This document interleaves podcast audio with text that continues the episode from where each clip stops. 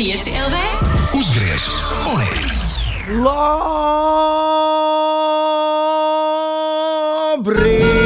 They say our love won't pay the rent for it's earned. Our money's all been spent. Cēlies vēlies! Saulīt jau gandrīz debesīs! So we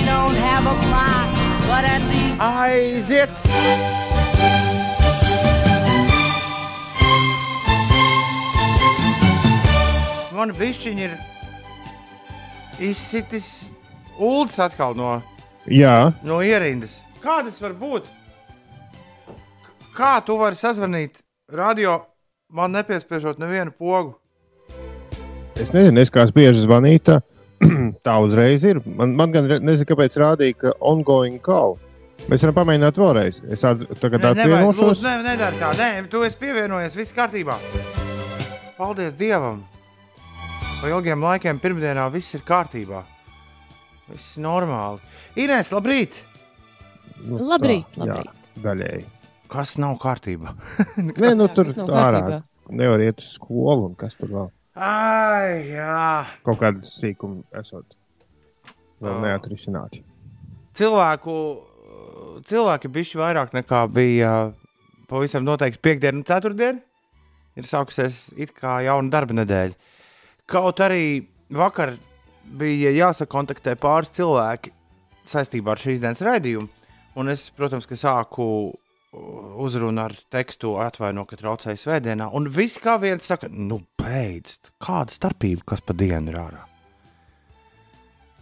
Tā kā teorētiski ir jaunas nedēļas sākums. Praktiski, kas tas ir, ej nu sazini.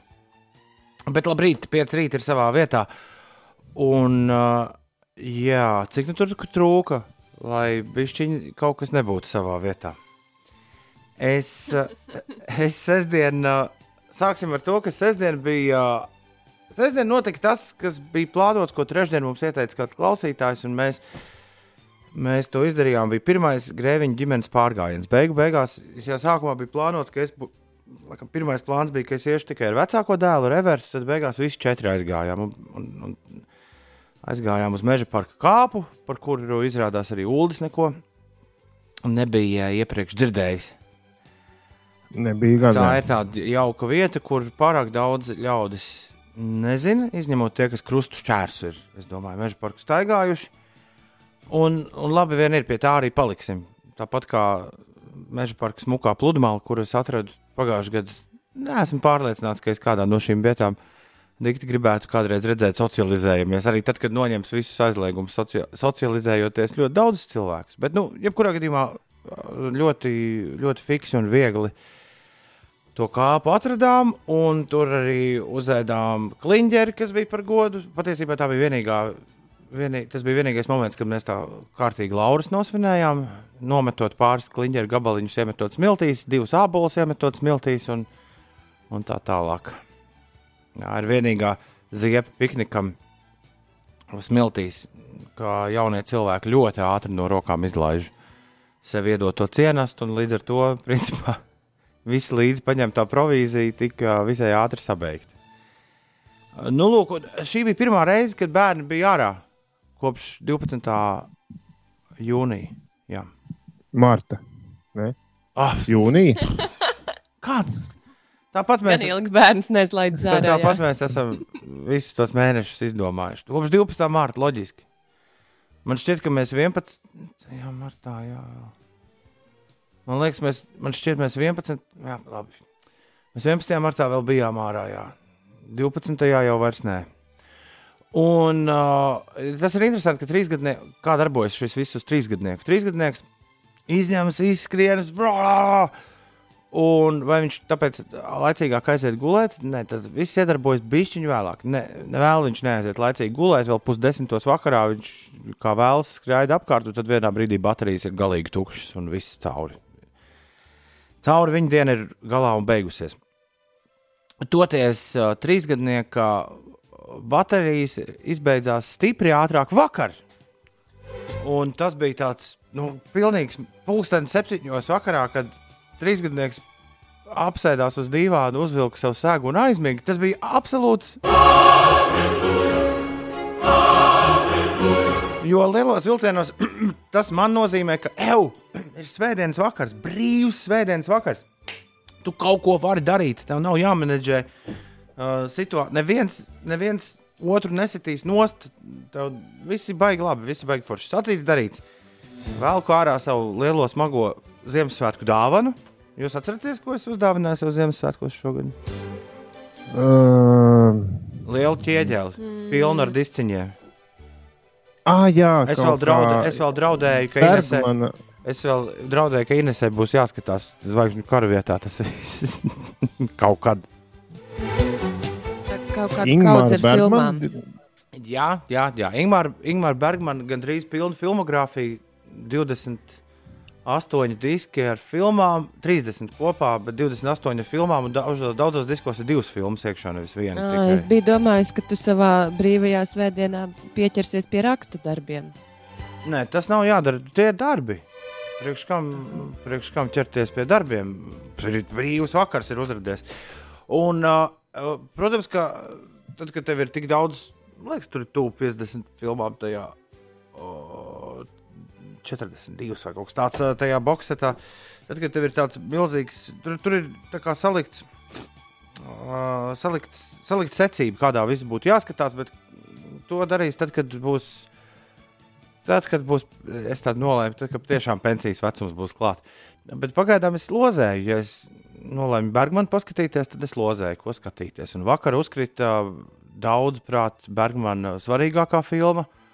Un, uh, un, un, un jā, arī varētu droši teikt, uh, sviestainākā filma Persona, uh, kur pēdējā British Film Institute veiktajā uh, aptaujā, kas ir man šķiet vienīgā aptauja, ko tā kā visa kino pasaule ņem vērā par visu laiku labāko filmu. Šajā aptaujā viņi ir 17. vietā starp un visaugstākā Bergmana pozīcija. Tad, visā. Bet tā filma ir ļoti tāda, uh, viņa ir tiešām viengabalaina. Viņu vajadzētu uzlikt, un tad, kā sāk skatīties, tā arī beidz skatīties. Ir tikai 82 minūtes, to mierīgi var izdarīt. Nu, nevajadzētu pa vidu nekam jaukties. Bet te tev nu bija. Protams, ka filma ir kaut kādā 35. minūtē un sākas. Evertam plāpājamies uznācis. Tā mēs tur papļā... nopauzējām, bija papļāpājām, bet nu, gribas tā skatīties tālāk. Tā plāpāšana tā sāk ievilkties. Sākām runāt par filmām. Izstāstīja, ka es skatos 17. Tad, tad, visu laiku labāko filmu. Everts gribēja zināt, kas ir visu laiku labākā filma. Es saku, visu laiku labākā filma ir. Kas? Ko? Loģisks jautājums, kāpēc tu neskaties to? Jā, jā, jā. Bailes no augstuma ir. Es, nu, kā tu, bē, kā tu sešgadniekam paskaidrosi, kas ir labākā filma? Bailes no augstuma. Hitchcock Vertigo tika šajā aptaujā oh. iebalsots jā, pirmo reizi. Pilsot... ka vienmēr visur ir Citizen Kane. Nē, tas tagad ir otrs. Tas šobrīd ir otrajā Jā. vietā. Tā bija tā lielā. tas bija, tā bija lielā revolūcija šajā sarakstā pirms. Cik man liekas, reizes desmit gados viņi viņu atjauno. Pilsonis Keins ir uh, otrajā vietā. Trešajā vietā ir uh, Tokijas stāsts, kuras, starp citu, neesmu redzējis vecajā pāņu filmu. Ceturtajā vietā ir Reno, Renoirs, ja nemaldos. Un uh, tad mēs abi ar Evertu sakām priecāties, ka kosmiskais atvēra loģiski to sarakstu. Kosmiskā Odiseja ir sestajā vietā. Tā mums abiem patīk. Jā, to tīri labi. Un tā vārds pa vārdam, un uh, jaunietis nolēma, nolēma uh, aizmigt kopā ar mani personu, skatoties man bez maz vai galvu klēpī ielikt. Aiznesu viņu uz gultu, noskatījos personu līdz galam. Ar, es nekad nebiju, man bija skolā, augstskolā, operatoru meistarībā, to, to filmu ķidāja no A līdz Z. Tur, Kalvis Zeltsmans pasniedzējs bija absolūtā starā par to, ko Bergmana operators tajā filmā ir izdarījis. Es nekad nebiju piesēdies un viņu tādā jā, noskatījies no līdz Z, bet tad, kad viņi beidzās, vajadzēja kaut kā ātri tās domas, kas ir iešautas iekšā, jo filma galīgi nav par, par gaišākajām tēmām.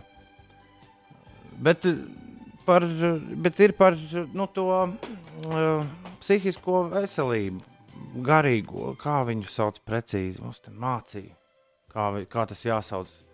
Garīgā veselība, nē. Nu, tas, par ko visi cepās. Es zinu, zinu es, ar, Pirms es ar šo pirms uznāk- nevaru atcerēties. Pirms uznāca šis, uh, visi teica, ka visiem ir rīktīgi sačakarēti. Nu, tā emocionālā pasaule. Vai kas tad tagad? Ko?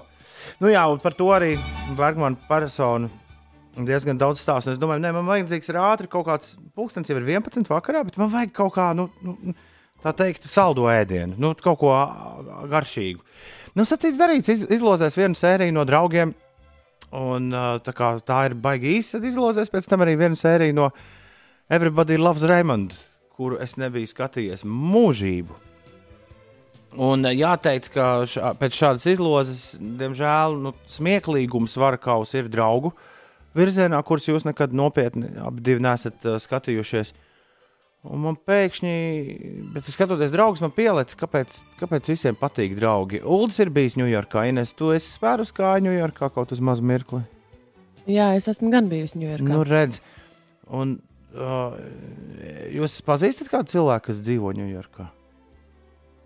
Personīgi, uh, nu, teiksim, nē. Es arī laikam, ka nē.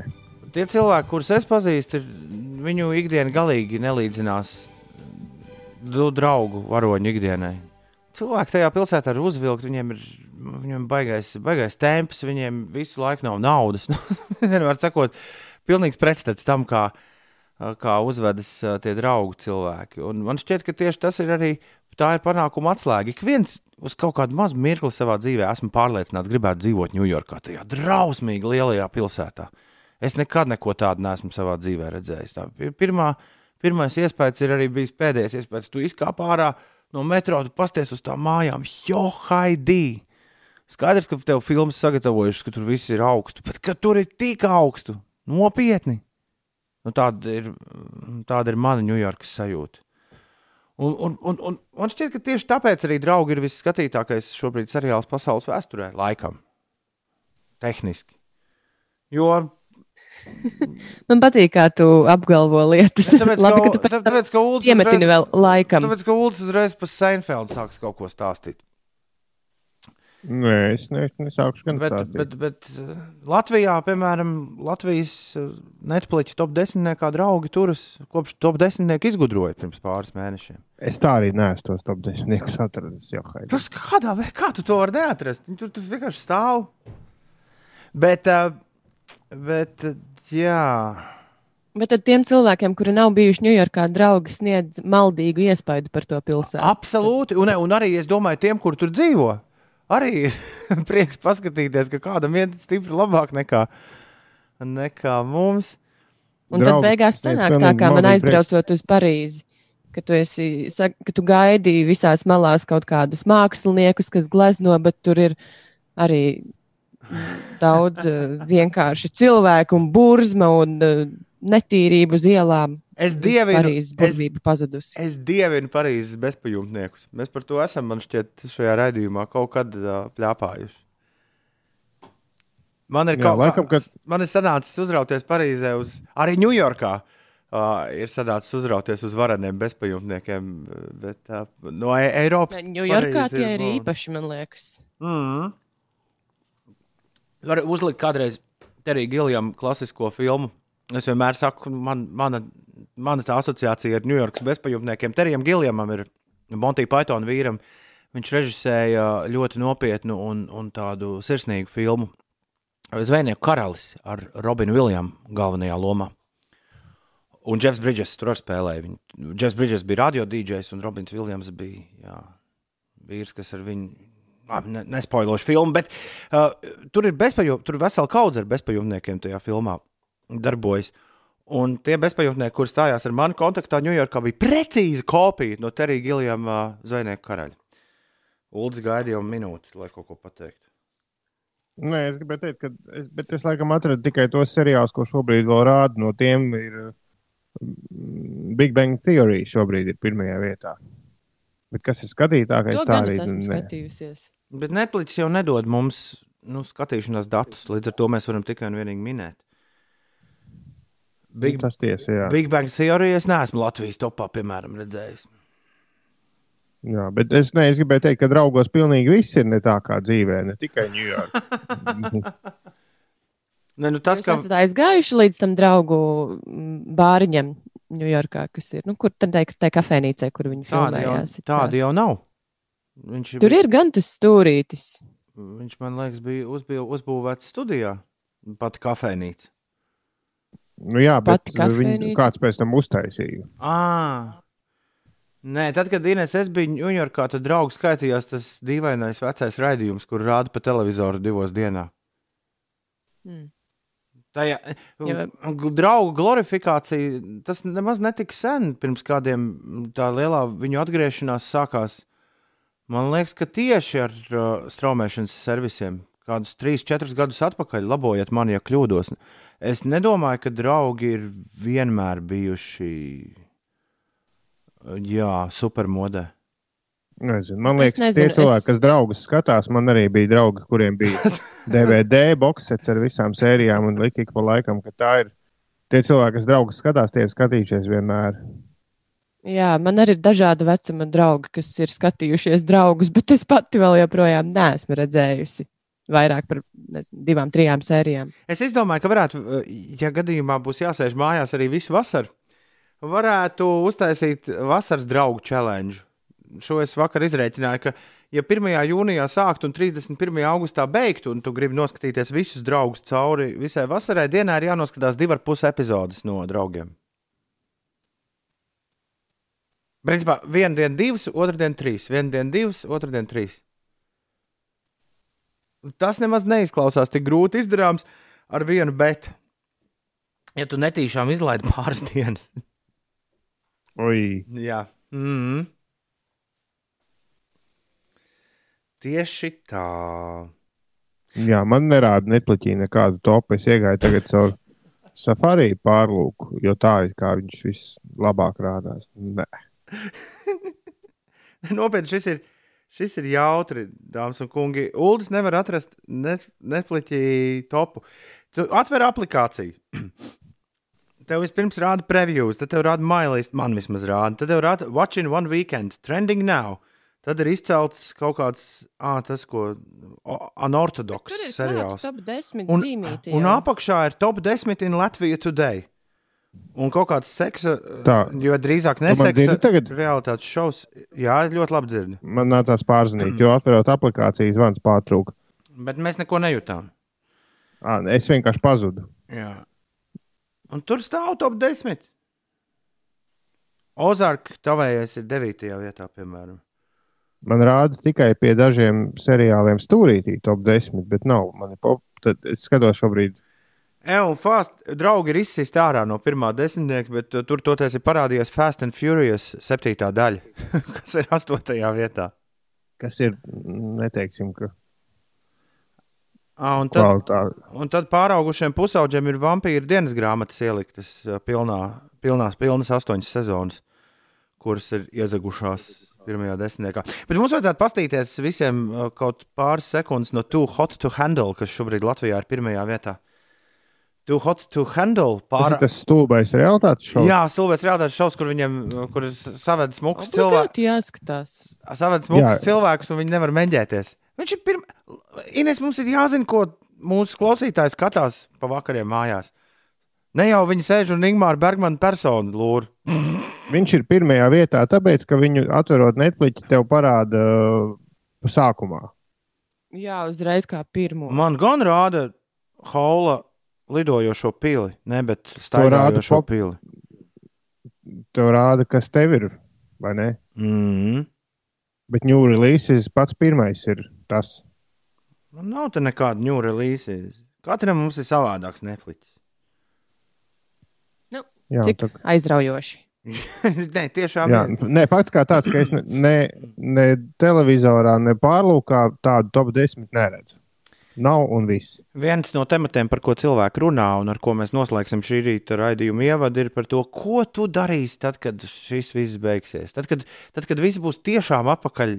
Pilnīgi tāpat kā, nu, labi, tāpat kā bija, nebūs. Bet, nu, tad, kad lidmašīnas atkal staigās, cilvēki atkal tiksies, koncerti notiks, uh, notiks sporta mači. Ko tu darīsi, Ines? Kas būs pirmā lieta, ko tu darīsi? Gāzīs uz kalniem?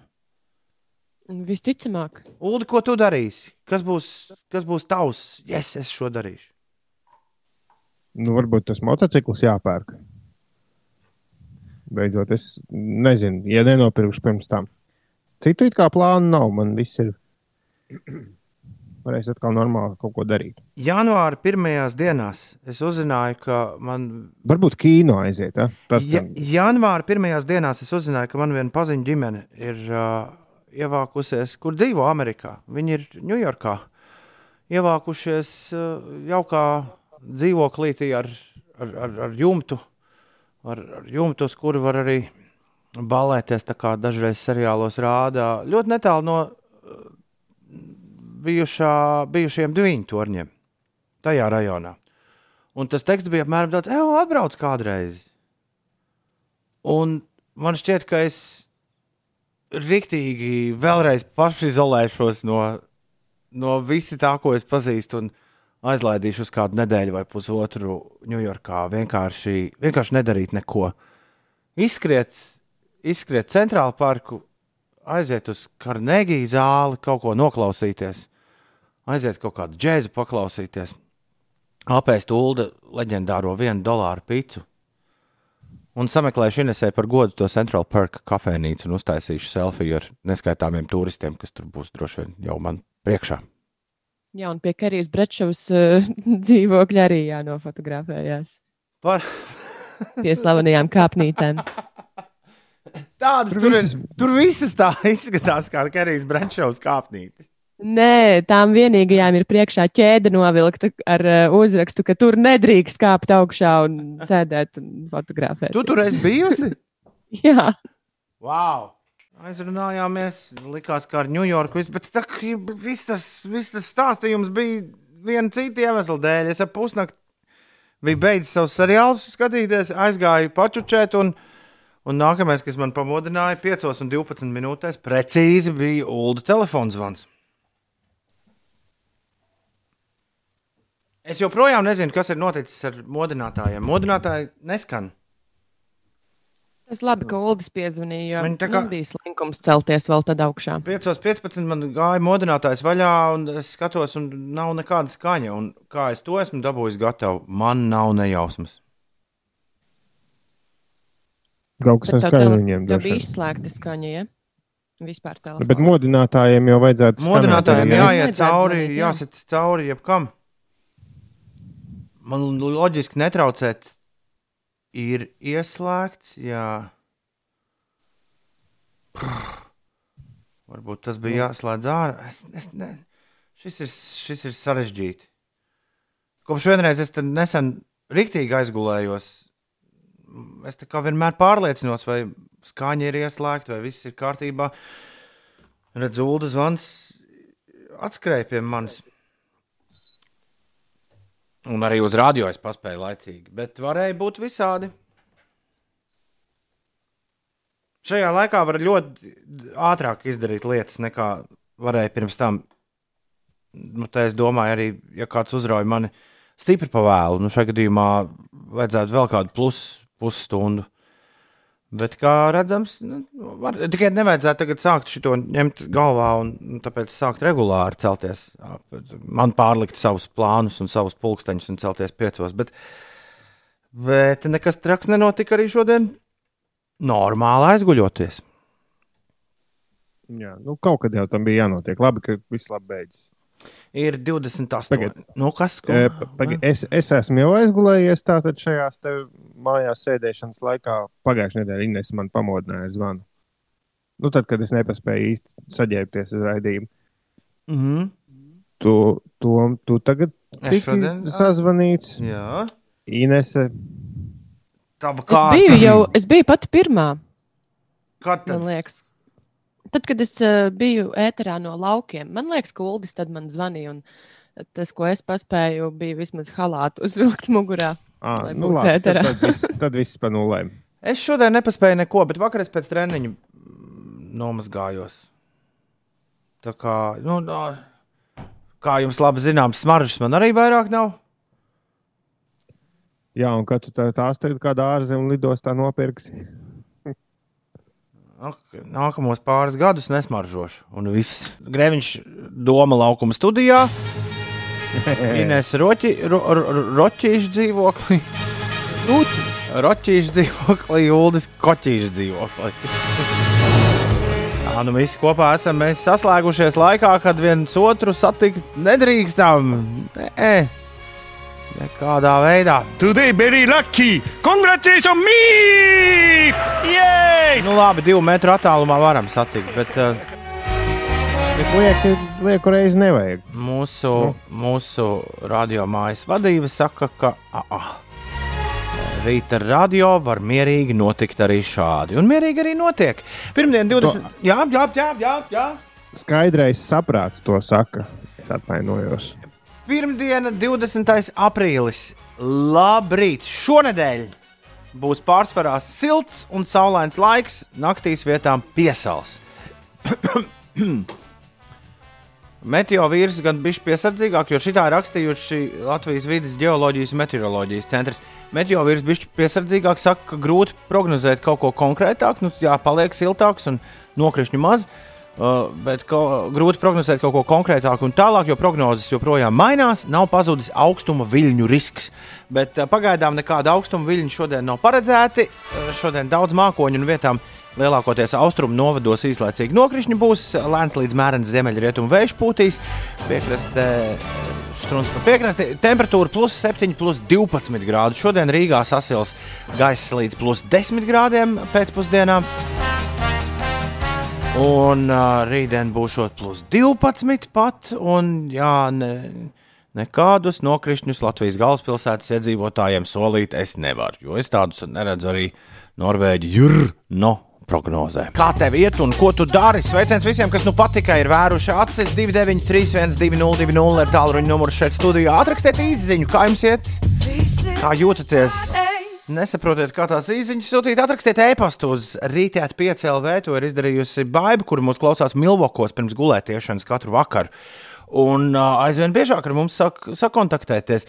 Baiba dzirdēja, kā raidījuma sākumā es sapņoju par to, kā es braukšu pie draugiem uz Ņujorku, kad viss būs atpakaļ uh, daudz maz uh, kārtībā un lidos lidmašīnas un notiks koncerti un tā tālāk.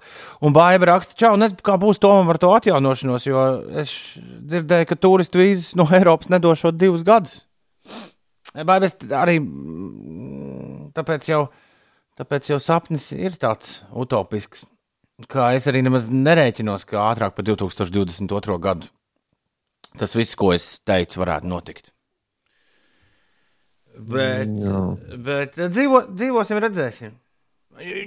Joprojām ir ļoti daudz cilvēku, kuriem vēl neaptver to, uz cik ilgu laiku šis atstās iespaidu. Un savā ziņā par to ir arī, par to ir arī nu, nedaudz bīstami mums te daudz un gari plāpāt. Jo, kā Uldis to teica, pirmajā nedēļā, kad iestājās ārkārtējā situācija, ir, mums bija šāda saruna ēterā, ka ir ļoti visu laiku bija tāds sajūta kā uz naža asmens, kurā brīdī kurā brīdī tas, ko mēs šeit uh, savā virtuves rīta klubiņā runājam, kurā brīdī to kāds, nevar, kāds nesāks interpretēt kā arī kaut kādu panikas celšanu. Tāpēc, tāpēc mieru, mi, kā, kā Gunārs Aboliņš teica, viņš teica, Mieru, tikai mieru. ir bez 20 minūtēm septiņi.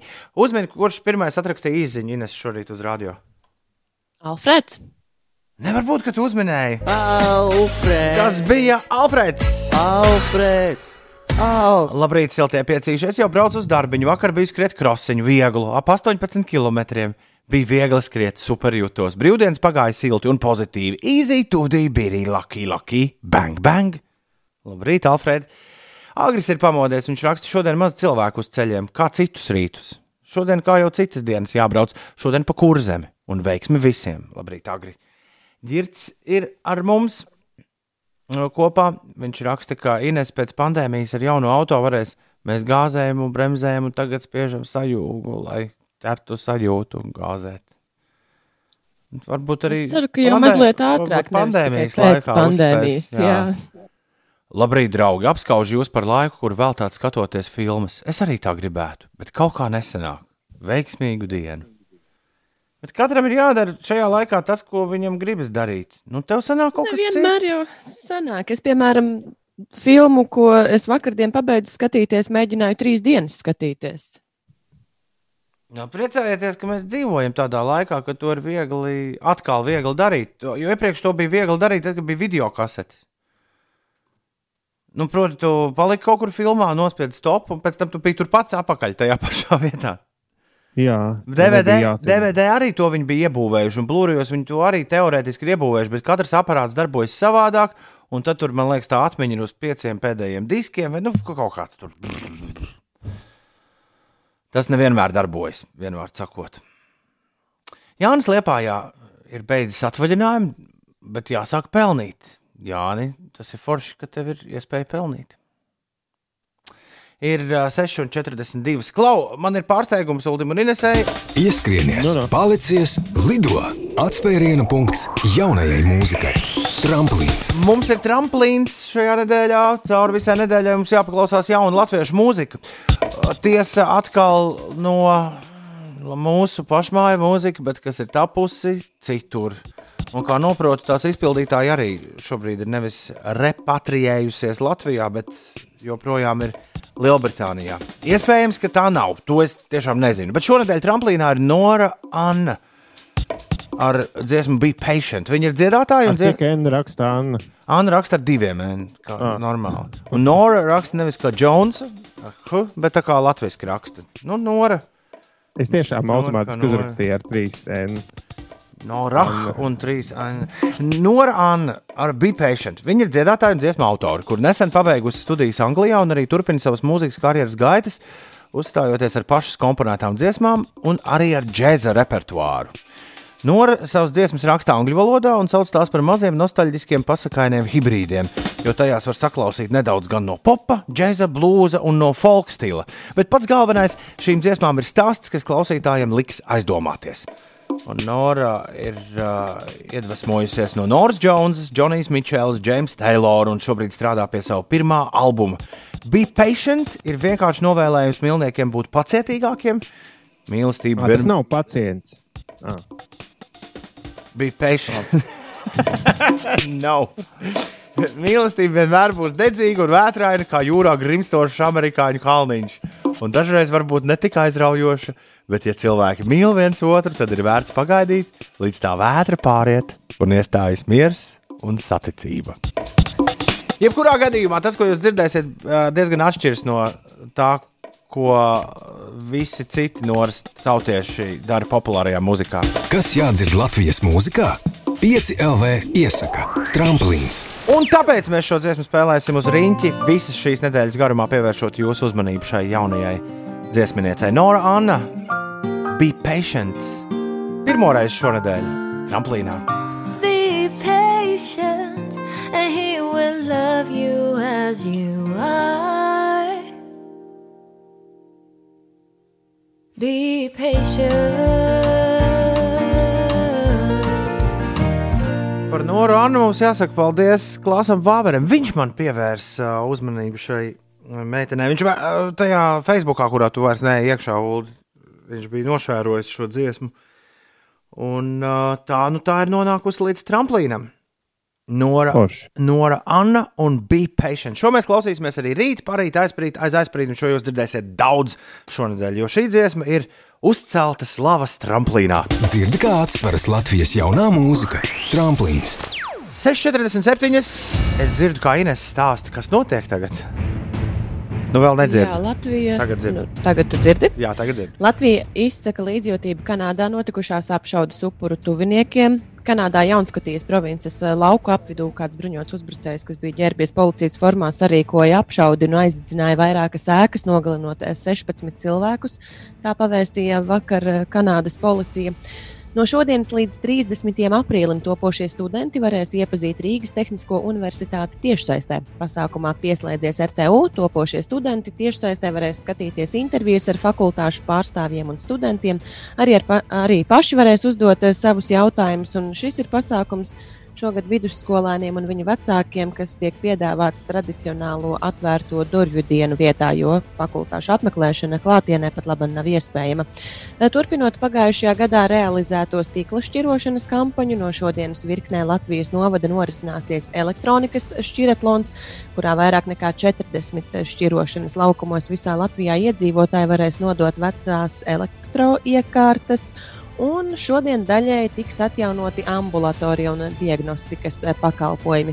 Veselības ministre pagājušajā nedēļā norādīja, ka kopā ar mediķiem vienojusies par nepieciešamiem drošības pasākumiem gan medicīnas personālam, gan pacientiem, lai varētu atsākt gan zobārstniecības, gan speciālistu konsultācijas, gan arī izmeklējumus un citus medicīnas pakalpojumus. Pirms Ines sāk runāt, mēs dzirdējām jau no uh, latviešu dziedātāju no Londonas, Noru vai Noru.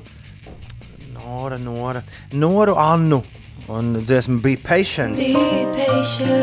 Mūzikas kritiķis Krapis Rēnis raksta, ka uz visu tā nepārāk gudro murminātāju fonu dziedāt, šī jaunā dziedātāja dod kaut kādu cerību. Tas labi. Will Toms raksta, ka tas intro pirms Noras dziesmas bija tik salds, tik salds, ka viņš nelika šo cukuru klāt visu nedēļu. Un viņš domāja instrumentālo vai arī to, ko es izlasīju. Man jau liekas, ka to, ko tu stāstīji, Okay. Bet šis arī ir ļoti salds. Labrīt, Kristiāna Bauskas pusē. Ceru, ka Bauskas pusē viss kārtībā. Ir bez desmit minūtēm. Septiņi. Inesē bija brīnišķīga sestdiena. Ine- Inesē izskatīja, visiem, man liekas, bija brīnišķīga sestdiena, bet Inesē bija beidzot tāda rīktīgi laimīga, vai ne? Sestdiena. Jā, kā tu zini? Nu, kā tu kāpīji? Tu kāpīji kāp Ā, pa sienu, jā. un pēc tam tev bija klases salidojums. Jā, jā, jā, jā. Es biju aizbraukusi līdz uh, tādai vienai kāpšanas vietai, kur brīvā dabā var uh, Latvijā mazliet pakāpelēt. Es, protams, biju ļoti, ļoti sapriecājusies par to, jo sen nebija kustināti vecie kauli. Laiks arī ārā bija diezgan labs un, un bija ļoti forši. Un, jā, es biju mūsu WhatsApp uh, chatiņā saviem klases biedriem uzrakstījusi, ka mums ir jāuzrīko salidojums. Tā sacīts, darīts. Sestdienas vakarā es eh, rezervēju laiku mūsu sapulcei. Tā mēs tur eh, virtuāli sanācām kopā, katrs pie sava datora, telefona. Tepat Latvijā, kāds cits Vācijā, vēl kāds cits Lielbritānijā. Un eh, mums par laimi Zooms uzdāvināja neierobežotu sapulces laiku. Līdz ar to mēs no! Pulksten astoņiem vakarā līdz pusdiviem naktī atrādījām savus uh, mājokļus, kaķus, bērnus, visu, ko vien var. Tas bija tiešām ļoti jauki. Dejas arī sākās kādā brīdī. Nē, dēļas nesākās. Mēs uh, skatījāmies, mēs šērojām ekrānus un skatījāmies pamatskolas bildes. Nu, tādas die, tiešām tā, šausmīgi paskatu bildes un smējāmies. Skaisti. Skaisti. Ulds, ko tu darīji? Es, es, es šobrīd mēģinu priecājos par Ines sešstundīgo salidojumu. Domāju, cik tas noteikti bija interesanti. Ul, es, es, Es biju- zinu arī, ko tu darīji. Tu omletu un salātu taisīji. To es darīju vakar, jā, bet, bet sestdien es biju aizgājis ļoti interesantu maršrutu iztaigāt, un pie tā maršruts bi- sanāca divām reizēm, jo palika otrai reizei vēl neiziet uh, uz otru pusi. Es aizbraucu uz Cēlnikovu, pārbraucu pāri Gaujai pa Tallinas šosei, un tad tur iekšā līdz to vietu, laikam tā arī sauc Gauja. Un tur uh, iztaigājos pa mežu, tad ārā uz jūru, un tā kā laiks mazliet sāka aptrūkties, izdomāju iet atpakaļ uz Gaujas ieteku. Un nākamreiz iešu uz Lielastu. Tur nav tālu kaut kādi 4-5 km apmēram. Tur, man liekas, Un- ir tas uh, parks, kaut kāds pie jūras dabas parks. Tur ir diezgan skaisti. Es esmu bijusi. Tur ir rīktīgi. Tur ir tajā parkā ir tur tādi gari ezeri, kurus tā arī sauc par Jā, garezers. Garezers viens un garezers divi. Un tur ir tas, tas piejūras kāpes, ir rīktīgi tādas reliefainas, uh, nu tas mežs. Tā ka tev Mhm. brīžiem jākāp tādā apmēram Gaujas senlējas Siguldas cienīgā kalnā. Un tad jārāpjas pa otru pusi lejā. Un tas viss ir mežā, tādā priežu mežā. Kāpes ļoti tāda spokaina, smuka vieta. Un, jā, un man radās jautājums par to pludmali. Varbūt kāds klausītājs zina. gaujas ieteka, un tad vēl uz lielas pusi mazliet. Tur ir pilns ar tādiem lieliem, izskalotiem šķiet, vai vienkārši sakaltušiem kokiem pludmalē. Un es nekādu netiku gudrs, no kurienes tie ir radušies, jo tuvākais mežs ir nu, mazliet kādu gabaliņu no pludmales. Viņi nevarētu būt vienkārši tur sakrituši. Izskatās tā kā izskaloti, bet kāpēc tur ir un, piemēram, vecākos un mangaisalā nav? No kurienes nav radušies tie koki? skaistumam salikti tur. Nē, es, es parādīšu bildes par to koku. Ir tiešām daudz. Man pat bija Hmm. dūlākā teorija, man bija, ka tie ir senos laikos izskaloti no gaujas, nu, kad bija, kad skaloja, pludināja. Nu, Bet tie, tie būtu tikai baļķi, ne? Jā. Bet ot, otrs variants bija tas, ka tas ir mežs, kas vienkārši pamazām kaut kur tur pie gaujas. Gauja ir atkarojis mežu, un tad tie koki, kas iekrīt gaujā, tad arī tur izskaloja pludmalē. Bet rīktīgi daudz. Un Tas man bija tāds mazs. Ieliec Twitterī smukāko bildi, lai visi var redzēt. Jā, es kaut kad šo pieci. Ieliec ar pieci rīti tagad. Es tagad nevaru man telefonā tur jāiet. Ah, jāiet. pareizi. Ja Tas man liekas, ka tā bija tā pludmale, kur bija tie totēmas, tā bija tādi uztaisīti.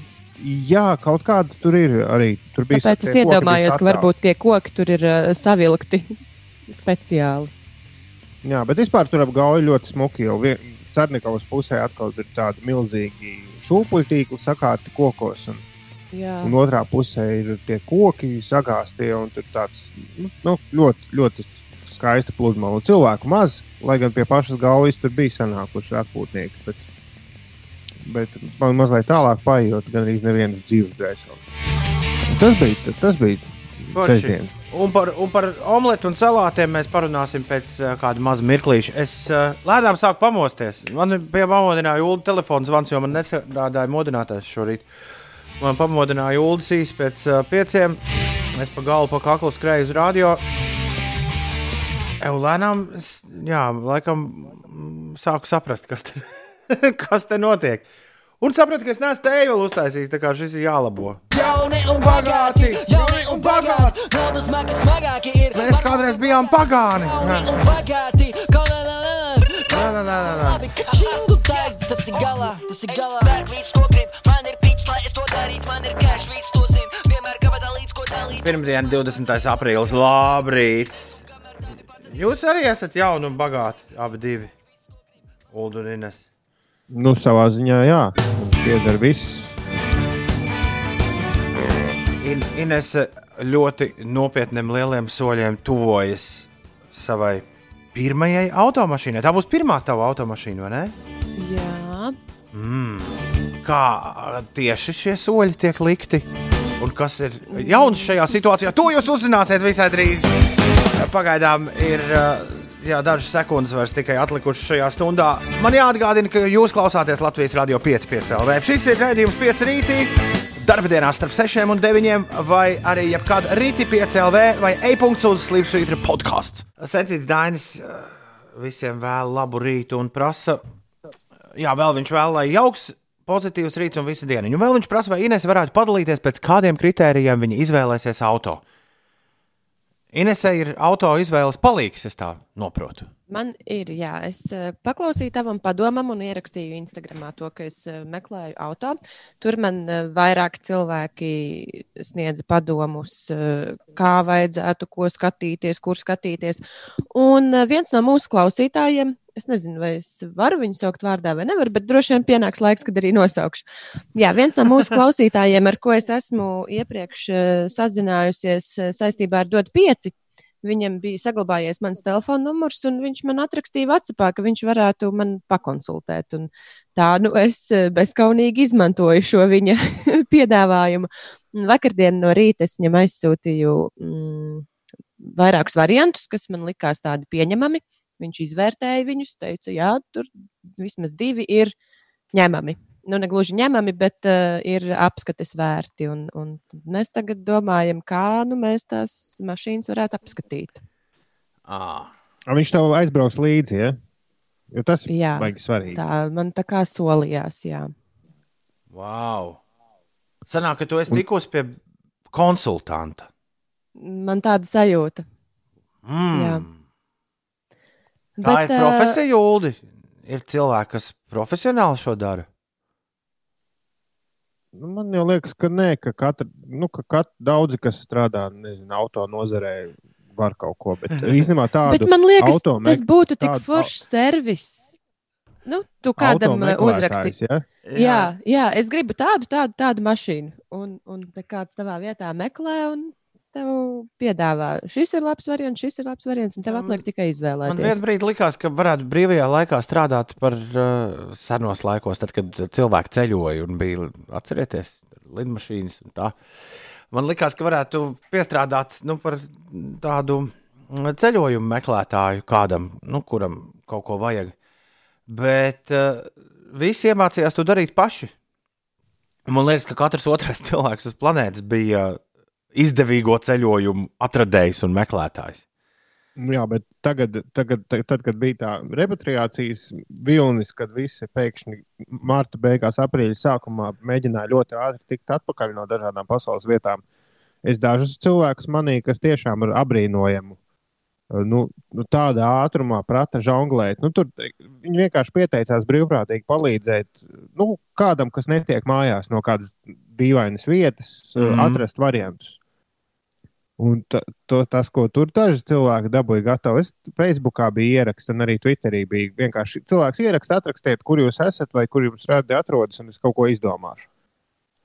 Ko tik tur nesaschēmoja, visādas tur duvējas, un nu, nu, tas, es sapratu, ka to, to es tiešām nemācētu. Viss ja ierakstīt meklētājā ir viens, bet tādas kombinācijas, tur trīs un četru reisu, kā tur dabūja gatavu ar gaidīšanām un pārbraucieniem, un uh, tas, tad, ja to dara tādā līmenī, tad man liekas, ka to tiešām var pelnīt naudu. Un tie cilvēki, kas veda no Vācijas vai no kurienes mašīnas agrāk tā vismaz bija, Jā. tie ļoti bieži bija tādi, kuriem pasaka, no apmēram, ko tu gribi, un tad viņš tur tev atrod un atved. Rekords raksta Dāvis, ka ir uzņēmumi, kas nodarbojas ar to, bet tur diezgan nedraudzīga cena šim pakalpojumam. Vismaz man tā raksta Dāvis. Uh, Toms raksta, ka viņam liekas, ka Inês meklējot auto arī vīru atradīs. Nu, Nu, nu. nu, nu. Tas nav īsti plānā. Labrīt jums un īpaši pīrāgu Jānim raksta Lācenīt, lai jauka un veiksmīga diena. Girci var nokonsultēt par mēbelēm, bet mums ir kā, Ļoti labi. bet mums ir kā pietiek mēbeles. Varbūt kāds par motocikliem var kaut ko no. Bet vispār mums vajag sarakstu veidot. Mums ir vetārsts, kas mums var konsultēt par dzīvnieku lietām, mums ir uh, kravu pārvadātāji, zāļu vadītāji. Ne, nu, ir, ska ir skaidrs, ka iekārtojušies mēs esam diezgan labi. Par to jau nemirkli neviens nav šaubījies. Pasties! Mēs arī joprojām esam, esam šeit un katru rītu turpinām darīt to, ko mēs darījām vecajos laikos. Un uh, cerams, ka tā tam būs arī palikt. Un vienu dienu mēs varēsim teikt, mēs izgājām šim visam cauri ar paceltu galvu un, uh, un pateikt viens otram paldies. Mēs klausītājiem, klausītāji iespējams mums. Nu, tā kaut kā sarīkot, sa- uztaisīsim pikniku, beidzot, Uldi, Uldis uz, uzprintēs tās arī ar kādu klausītāju palīdzību, tās auto uzlīmes. Oh, jā. Savāksimies visi, nu, uzvaras parkā varbūt ne, bet kādā, kādā citā parciņā Un izdalīsim uzlīmi. izdalīsim uzlīmes, satiksimies, sataisīsim sev. Būs, uztaisīsim šitie Instagram ā, bērni šito darīja. Viņiem bija mītaps, ja tā viņi sauc, Uldi. Jā, bet tas jau sen, vai ne? Nu, ja mēs, Tas- bet mēs uztaisīsim tagad, nu, tā, kad rīkstēs atkal. Nē, kā pagaidi, mītap bija Twitter. Nē, mī, Tie bija nebija nē, tie bija tvītapi. Tvītapi bija, jā. Laikam, ka mītap. Jā. Zemekis mums var palīdzēt mērniecības jomā, topogrāfija, izpildu mērījumi un robežas. Lieliski šo es arī pierakstīšu kaut kur. Bet uh, Nils ir atradis, Nil- Nils pie- mums raksta par vienu servisu, ko viņš ir sameklējis. Tā kā, ja kāds, ja kāds googlē, tad kāds atradīs. ka Viņš, kād, viņš ir sameklējis servisu, kas viņam par 150 eiro piemeklēja auto trīs dienu laikā. Paldies, Nil! Un paldies visiem, kas šajā rītā ir kopā ar mums. Eh, paga- Tad, tad, uh, tagad mēs gaidām, ka tu stāstīsi, Ines, kā tu brauc mašīnu lūkoties. O, nu, jā, Tā- man vienkārši šī nedēļa ir, izskatās, ir diezgan, diezgan aizņemta, bet nu, būs kaut kas jāsadomā. Ok. Gaidīsim jaunumus. Ines pērk auto. Tieši raidē. Katru rītu ap septiņiem. Ir pirmdiena, 20. aprīlis, ir 13 minūtes pārpusdienas septiņiem. Mieru, tikai mieru. Cēlies augšā! Mūsu Rīga Latvijā! Un sākam nedēļu tā, lai. Nu, tā, lai. Tā, lai skaļi, lai visi pamostas. Atvainojos, tev ir pierādījumi. Man ir. Uh, var parādīt? Nē, nerādīšu. Lieciet Ines mierā. Mārtiņš prasa, Ines, vai tad mīlestību var ieplānot? Mums jubilāri jāsveic, ne? Te bija. Jubilāri, jubilāri, ai, steidzinti. Izslaukt grīdu, iztu grīdu slaucīs. Mirtai un ziedītai šodien ir vārdu diena. Sveiciens Mirtai, sveiciens ziedītai. Aurēlijai Rancānai no tautumētām mēs šodien sūtām buļķas, gaisa skūpstus un, un labas domas. Aurēlijai dzimšanas diena. Dziedātājai Vinetai Elksnei ir dzimšanas diena, Kasparam Zvīgulim, aktierim, ir dzimšanas diena. Juhu! Latviešu basketbolistam Jānim Blūmam daudz laimes. Amerikāņu aktrisei, eh, leģendārajai amerikāņu aktrisei Jessikai Lanžai ir dzimšanas diena. Testūtis Kemzura, lietuviešu basketbolists un treneris, ir dzimšanas diena. Viņš izklausās pēc sēda kuršu ķoniņa un, un samuraja krustojuma. Pēc kaut kāda ēdiena vairāk. Čestutis Kemzūra. Karmena Elektra, amerikāņu aktrise, arī svin dzimšanas dienu. Viņa arī izklausās pēc kaut kāda nu, virtuves iekārtas. Jā, un Ulas un Ines arī kaut ko gribēja sasveikt. Jā, bet- jā sveicien mūsu Big Band menedžerai Ancei Irganai. Daudz laimes. Un vēl? Un tev? À, man, es uh, sūtu sveicienus Elzai, Elzai Jēkabsonai no, no TVNet žurnālistei. Čau, Elzā! Labrīt, piečuk, varētu daudz bučiņu slācenītē nosūtīt, raksta pīrāgi Jānis. Tu kādu jūs mums te tādu mīļumiņi? Jā, lācenīt, bučs tev apakaļ! Patriša bija šeit, šeit, šeit, un arī visādi plāni mums bija šeit, šeit, šeit, šeit. Man šorīt nebija jābūt ēterā, Ines un Uldi, ja nebūtu iestājusies pandēmija. Kāpēc tā? Tā tev- Kur tu būtu? Es būtu Berlīnē šorīt. Es būtu Berlīnē un vakarā iet uz Bonivēru. Kurš ir pārcelts uz janvāri šobrīd. Un tad, kad es Grēviņa kundzei teicu, ka varētu tagad to nu, diezgan pamatīgo biļešu naudu dabūt atpakaļ, viņa teica, nē, šis lai gaida. À, nu, Parši būs tas atkal tas stāsts par to, ka būs kaut kas, nu, ko gaidīt nākotnē. koncerta apmeklētājiem būs diezgan pa- padaudz. Man ir kādas četras biļetes. Nu, tādas, kuras pārcelsies. Bet es, es šo un to mainīšu, tomēr pret naudu arī atpakaļ. Bet, nu, jā, katram, protams, jāvērtē pašam, ko un kā. Un cik nu var, cik nevar. Bet uh, koncerts, jā, ko, koncerts ļaudīm būs interesanti. Tad, kad pēc pāris gadiem koncerts atkal skanēs, tad uh, mums jau ir biļetes uz koncertiem. Jā. Varēsim iet uz vis visādiem. 7,23. Labrīt! Ir pirmdiena, 20. aprīlis. Skan 5LV. Ines stāsta, kas notiek. No šodienas līdz 20. maijam 40 šķirošanas laukumos akciju sabiedrība Latvijas zaļais punkts sadarbībā ar atkritumu pārstrādes operatoriem no visas Latvijas rīko akciju elektronikas šķiratlons. Vecie televizori, leduskapji, veļas mašīnas, dažna dažādas iekārtas, kas darbojas ar elektrību vai baterijām un kas nav vajadzīgas, tās tad šajos 40 šķirošanas laukumos var aizvest un atstāt. Un laukuma adreses ir norādītas Latvijas zaļā punkta mājaslapā. Tur tās var atrast. Par šīs dienas laikapstākļiem Latvijā gaidāms mākoņdienas laiks. Dienas gaitā mākoņu kļūs mazāk un daudz vietā uzspīdēs saule. Vietām, galvenokārt valsts austrumu daļā, gaidām arī nelieli īslaicīgi nokrišņi. Gaiss iesils līdz plus 7, plus 12 grādiem. Putīs lēns līdz mērens ziemeļu, ziemeļrietumu vējš. Galvaspilsētā arī gaidāma mākoņu daudzuma samazināšanās un gaisa temperatūras paaugstināšanās līdz plus 9, plus 10 grādiem. Vēl no šodienas līdz 30. aprīlim topošie studenti varēs iepazīt Rīgas Tehnisko universitāti tiešsaistē. Pasākumā pieslēdzies RTU. Topošie studenti varēs skatīties intervijas ar fakultāšu pārstāvjiem un studentiem, kā arī paši varēs uzdot sev interesējošos jautājumus.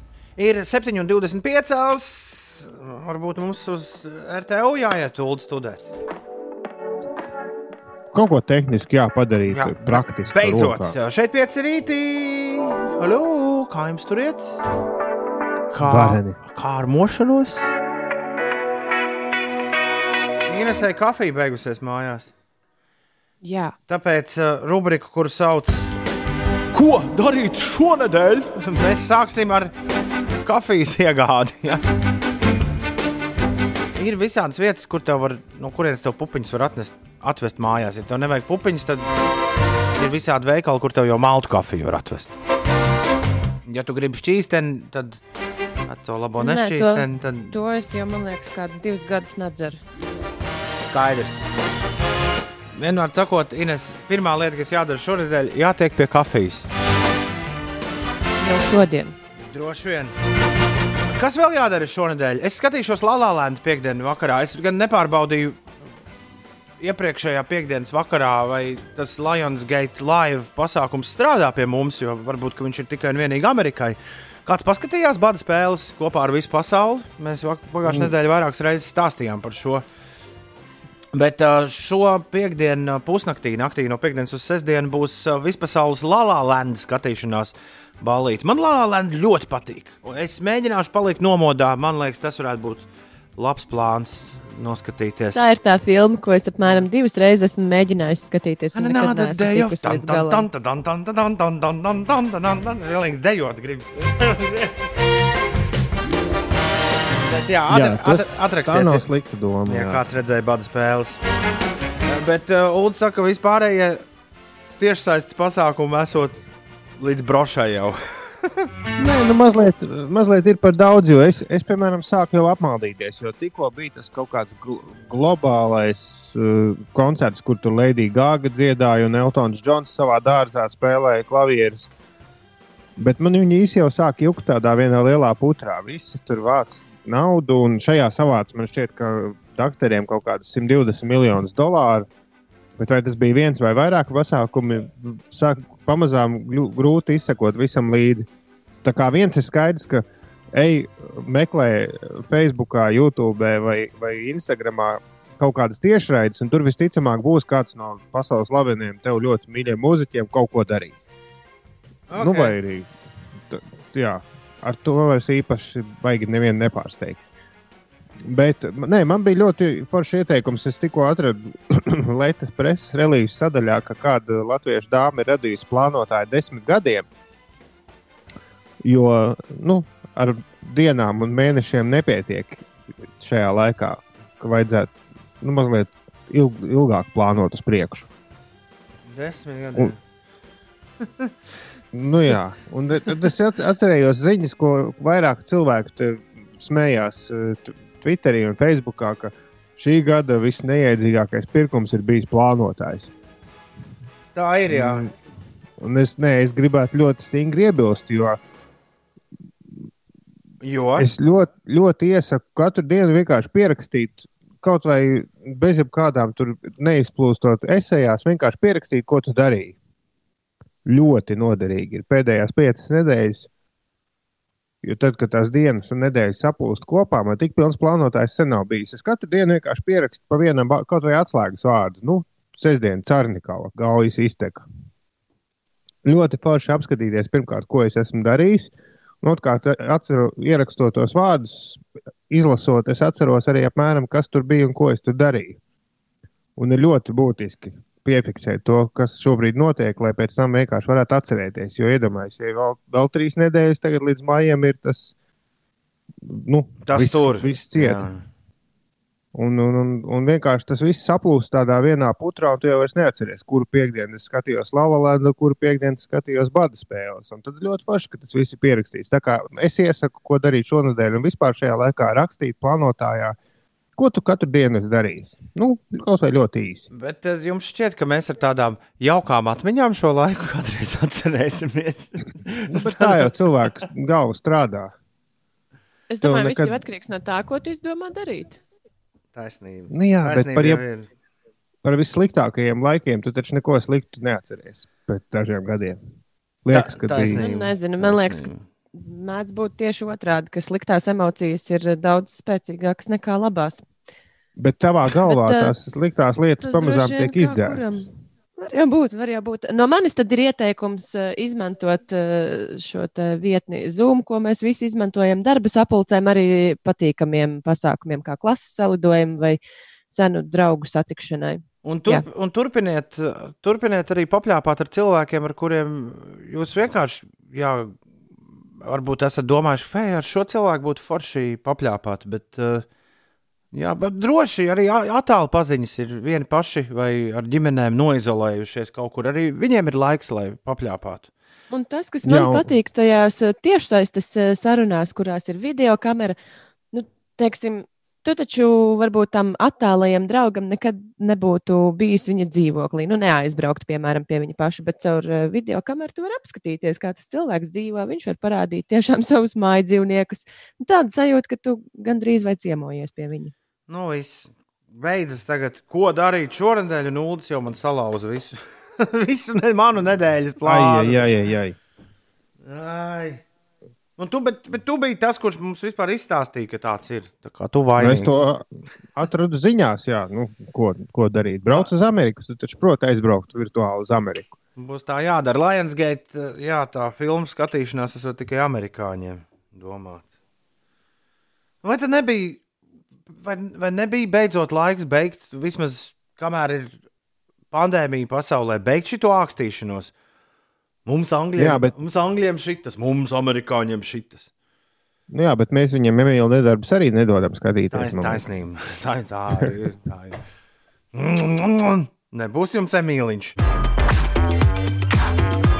Aminēts šo piekdienu piedalīsies gudrs vēl gudrāks spēlē. Spēlēs mūziķi attālināti. Pēc tam es droši vien varēšu stāstīt, ko man Aminēta sastāstīja par to, kā viņi paši izolējas šajā laikā. Ir uh, 7,38. Labrīt! Uldi, ja tu zinātu, kā man besīk taisīt salātus. Tieši taisīšanas process. Man uh, nav galīgi nekas pretī, ja kāds man tos pasniedz uz šķīvi. Bet, oh, griezt gurķus. Vai nē, nē, nē, nē, nē, nē. Kad mēs pirms gada, kad mēs pirms gada bijām uz- Rasālam, piemēram, visnepatīkamāk griezt ir kartupeļus, bet pārējo jau vēl sagriezt. Rasels, var. Rasels, Rasels paldies, paldies Dievam, man garšo vienreiz gadā. Bet uh, pirms gada, kad es biju ar Evertu, aiz, kad mēs bijām divi tā uz Horvātiju aizlaiduši, tad, nu, zini, un zini, kā ir skaidrs, ka veselu nedēļu man bija jātaisa ēst, nu, bez salātiem nevarēs.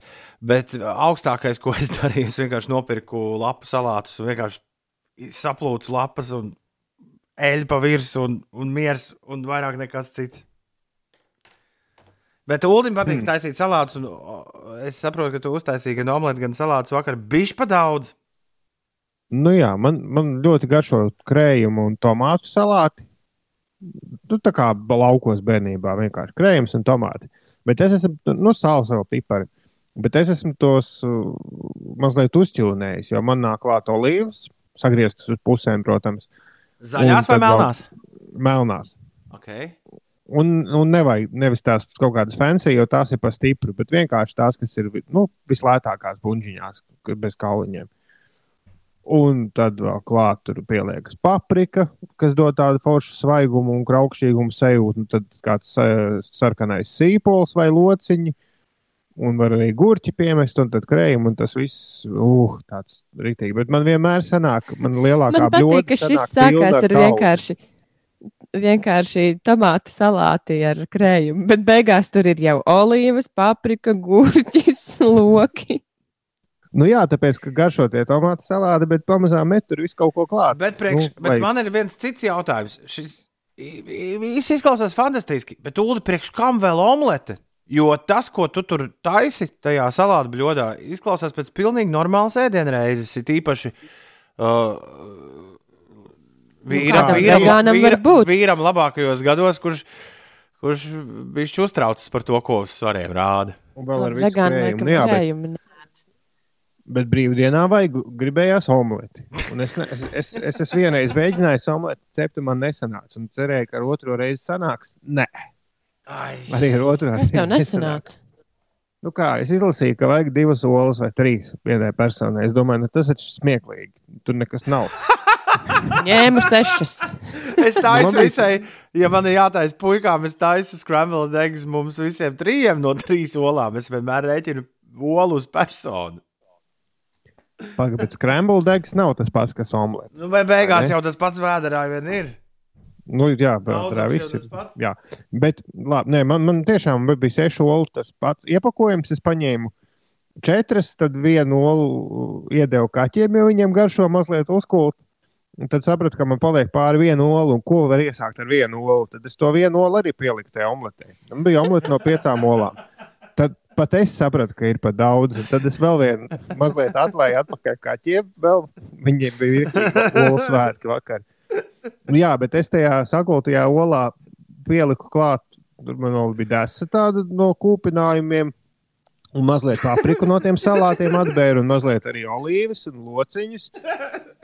Un beigās man sanāca pānā tāda diezgan pabieza kārta, visa pāna pilna. Nu, un, Un vecais tāds- labais stāsts tev e, minēšu apakša. Bija ok, bet o, nu, tu nekādīgi nevari apgriezt to omleti vai ne otrādāk. Līdz ar to Nē, kāpēc apakš- nevar? Redzējis apakš video, bija- kā jāgriež. Ko tad? Esmu, esmu, esmu, bet e, nu, pagaidi, izstāst, Ulu, kā bija. Nē, man kāpēc nevar ap, var apgriezt? To apkaš, apakšu izcepās ļoti ok, un tad tu viņu apgriez, un tev omletes vietā ir vienkārši tāda pļura. bet, tad, bet tad tā kaut kā izcepās, un nē, beigās bija ļoti garšīgi. Tikai nu, ļoti daudz. Joprojām Jā. ir palicis. Nē, es apēdu.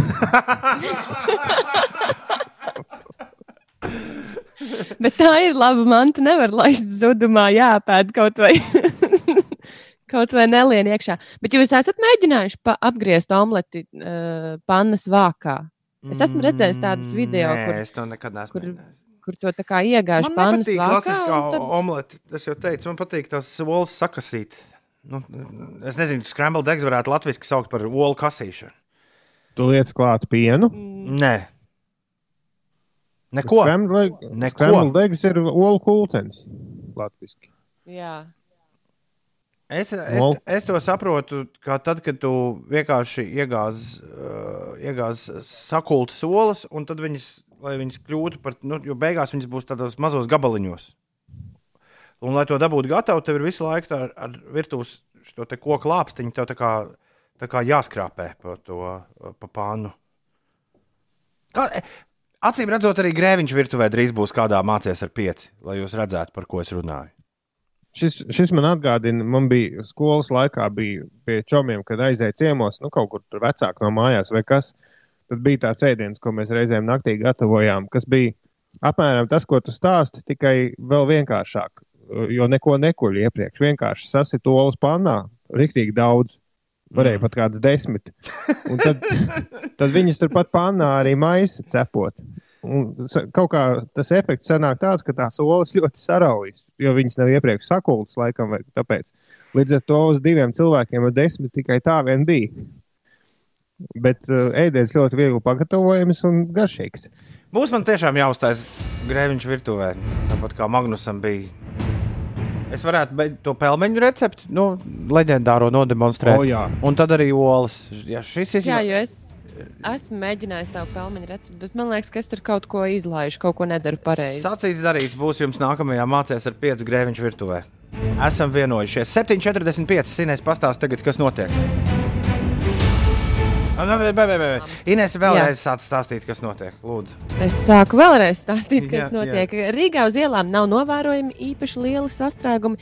Krustpils ielā neliela kavēšanās, tas posmā no Katla kalna ielas līdz Rencēna ielai. Tur jārēķinās ar aptuveni 4 minūšu kavēšanos, un Gaigals iela mazliet, mazliet sastrēgus uz 3 minūtēm, bet citviet viss ir, viss ir mierīgi.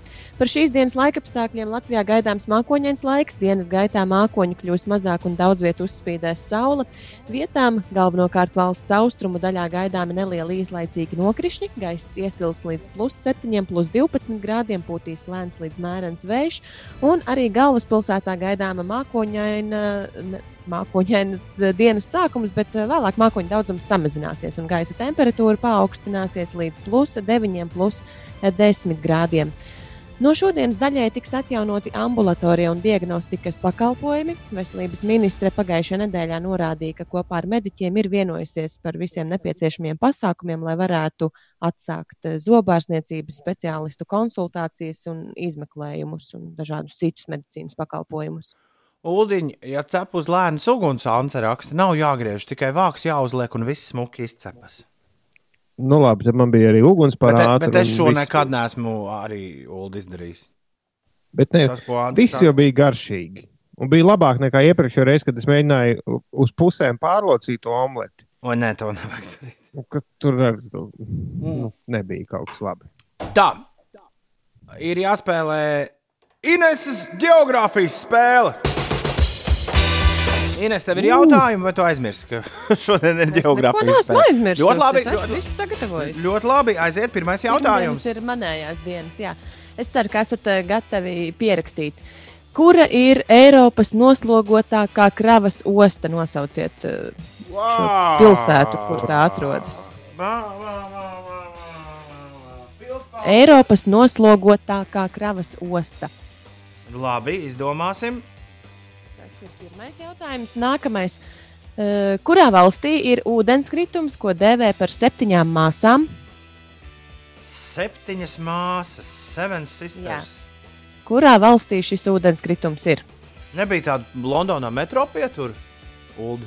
Es nezinu, bet es runāju par ūdenskritumu. Labi. Tur runa var būt. Jā. Tā, trešais jautājums. Kurā no ziemeļu valstīm augstākā virsotne ir Haltī kalns, kurš ir eh, 1324 metrus augsts? Ziemeļu valstis un kurā valstī ir Haltī kalns? Šitas jāņem, Uldi. Šis jautājums jāņem. Ir. Tā, Ceturtais jautājums. ceturtais jautājums. Austras koks, saules puķe, baltās naktis un zaļais staps. Tās uh, visas četras uh, lietas ir sastopamas Latvijā, un pasakiet, eh, ko tās uh, nu, simbolizē, ko Vēlreiz. tās, ko tās nozīmē. Vēlreiz. Austras koks, saules puķe, baltās naktis un zaļais stars.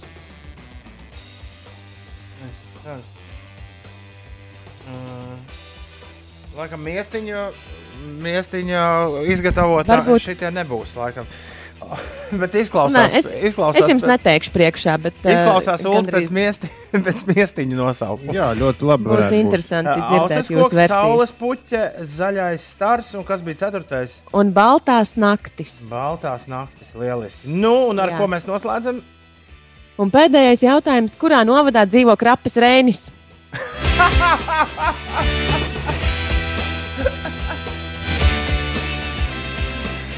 Dēmit! Tā nedrīkst! Ā! Tā nedrīkst! ļoti labi. nedrīkst. Nu, tā nedrīkst! Šitā nedrīkst darīt! Pag pagājušā reize bija ļoti produktīva, vai ne? Ko es, Geospēle. neko es nezinu par nu, Latvijas novadiem. Ai, Laiks būs iepazīt Latvijas ārus. Okay, kamēr mēs ar Ulu domājam atbildes uz jautājumiem, jūs, protams, arī varat Inesē par prieku atsūtīt savas versijas. Es esmu un Ulas arī esam aizvēruši SMS cietu un neredzam 293, 1202, kamēr, kamēr mēs apdomājamies, tikmēr, lai notiek uguņošana. Kā parasti pēc šīs kompozīcijas saka franču diska žokēji, Lužiku Žuvakoču de Prodigy in Forest Hotā. 7,54. Labrīt! Ines geogrāfijas spēle. Laiks atbildēm. Nu, bet patiešām. Prieks par Bio Kristapu un uh, Siguldu Cetgaru. Saki vēlreiz, ā, jo es tev ieslēdzu tikai nu pat. Bēdīgi slavenā. Nu, kas ir? Jā, paldies uh, Siguldu Cetgaram un Bio Kristapam. Viņiem vismaz ir par dažām atbildēm. Uh, dažas Vairāk atbildes nekā viņiem ir pareizas. Mums ar Ulu. Ah, es tev neesmu iesūtījis atbildes, bet labi, tu gan jau, ka tu ticēsi, ka es spēlēju godīgu spēli. Jā, tu tic, es ticēšu. Labi. es, es nofotografēju, ne, es fotografēju. Ticēja, neticēja. Ulu tikai neskaties, es sūtu čatā. Nesūta čatā kopīgajā. Es Ah. tur skatos. labi, labi, nesūti neko, nevilksim laiku garumā. Sākam ar pirmo Ku- Kuram jautājumu. ir jāatbild pirmajam Ines geogrāfijas spēlē? Man liekas, ka Pagājušais- pagājušajā reizē diezgan pārliecinoši Uldis. Bija tāds kā 4-0. Jā, Jā, bet jā. neatg neatgādināsim to 4-0 lieku reizi. Ja? Šoreiz nebūs 4-0. Šoreiz būs Tad saka, Uldiņ, kāda ir Eiro, kā sauc Eiropas noslogotāko ostu? Man ir divas Man ir- versijas, citu, uzrakstītas. Man ir arī divas versijas, bet es ņemšu Hamburgu. Tu ņem Hamburgu, es tad ņemu Ķīli. Jā? Jā, Nu, V- vēl man ir Rotterdama rakstīta. Man ir Nu, Antverpena labi, vēl. bet tu, bet tu, Aha, bet tu ņem Antverpena. ķī, Ko lūdzu? tu ņem, tu ņem kur beigās? Ķīli, es ņemu Ķīli. Ķīli. Jā, nu, pēc maniem aprēķiniem, un arī Siguldas Edgars un arī Biokristaps ir ā, atbildējuši, ka tā ir Rotterdama. Es ar- Jā, un es to es biju- Antverpenu. Es, Es to Antverpenu arī biju domājis Rotterdamu, nevis. Bet Tas bija kaut kur, kaut kur smadzeņu podā, tas bija. Bet, bet nā, redz, kā izvēlējos Bet, nu, tomēr jā. Ķīli. Labi, otrais jautājums. Kurā valstī ir ūdenskritums, kuru dēvē par septiņām māsām? Kanādā? Izklausās, ka Toms šo zina, bet ma- es minēju Keniju vai Venecijā, bet tad, tad, tad sapratu, ka es domāju Viktoriju vai Anhela kritumu, man ir Norvēģija. Tad tev ir Norvēģija. Ja? Jā, Toms tik pārliecinoši par to Kanādu atbildēja, ka man es pilnīgi sarāvos, būs jāpārbauda. Bet, uh, diemžēl, es arī zinu tikai Norvēģiju ar ūdenskritumu, kuru dēvē par septiņām māsām. Ei, tad es esmu šo izdomājis nezinot, jo man Nē, nē. Šo gan es atceros no pamatskolas geogrāfijas stundām. Pārliecība ir- Pārliecība ir viens no veidiem, kā tad, kad tu neko nezini, tik, mēģināt tikt sveikā cauri dažādās Labi. dzīves situācijās. ejam tālāk. Jā. Labi, kurā no ziemeļvalstīm ir augstākā virsotne Haltī kalns? Nu, skaidrs, ka Somijā. Somija. Jā, gan jums, gan Siguldas Edgaram, gan Biokristapam pa punktam. Paldies. Šodien četri mēs spēlējam, ja? Jā. Tā sanāk. Okay, okay. Nu, šis tāds interesants jautājums. Austras koks, saules puķa, baltās naktis un zaļais stars. Kas tie tādi ir? Varbūt arī zinat, kur tie atrodas Latvijā. Tie visi ir kalni. Mhm. Labi. Nezinu, kur tie atrodas.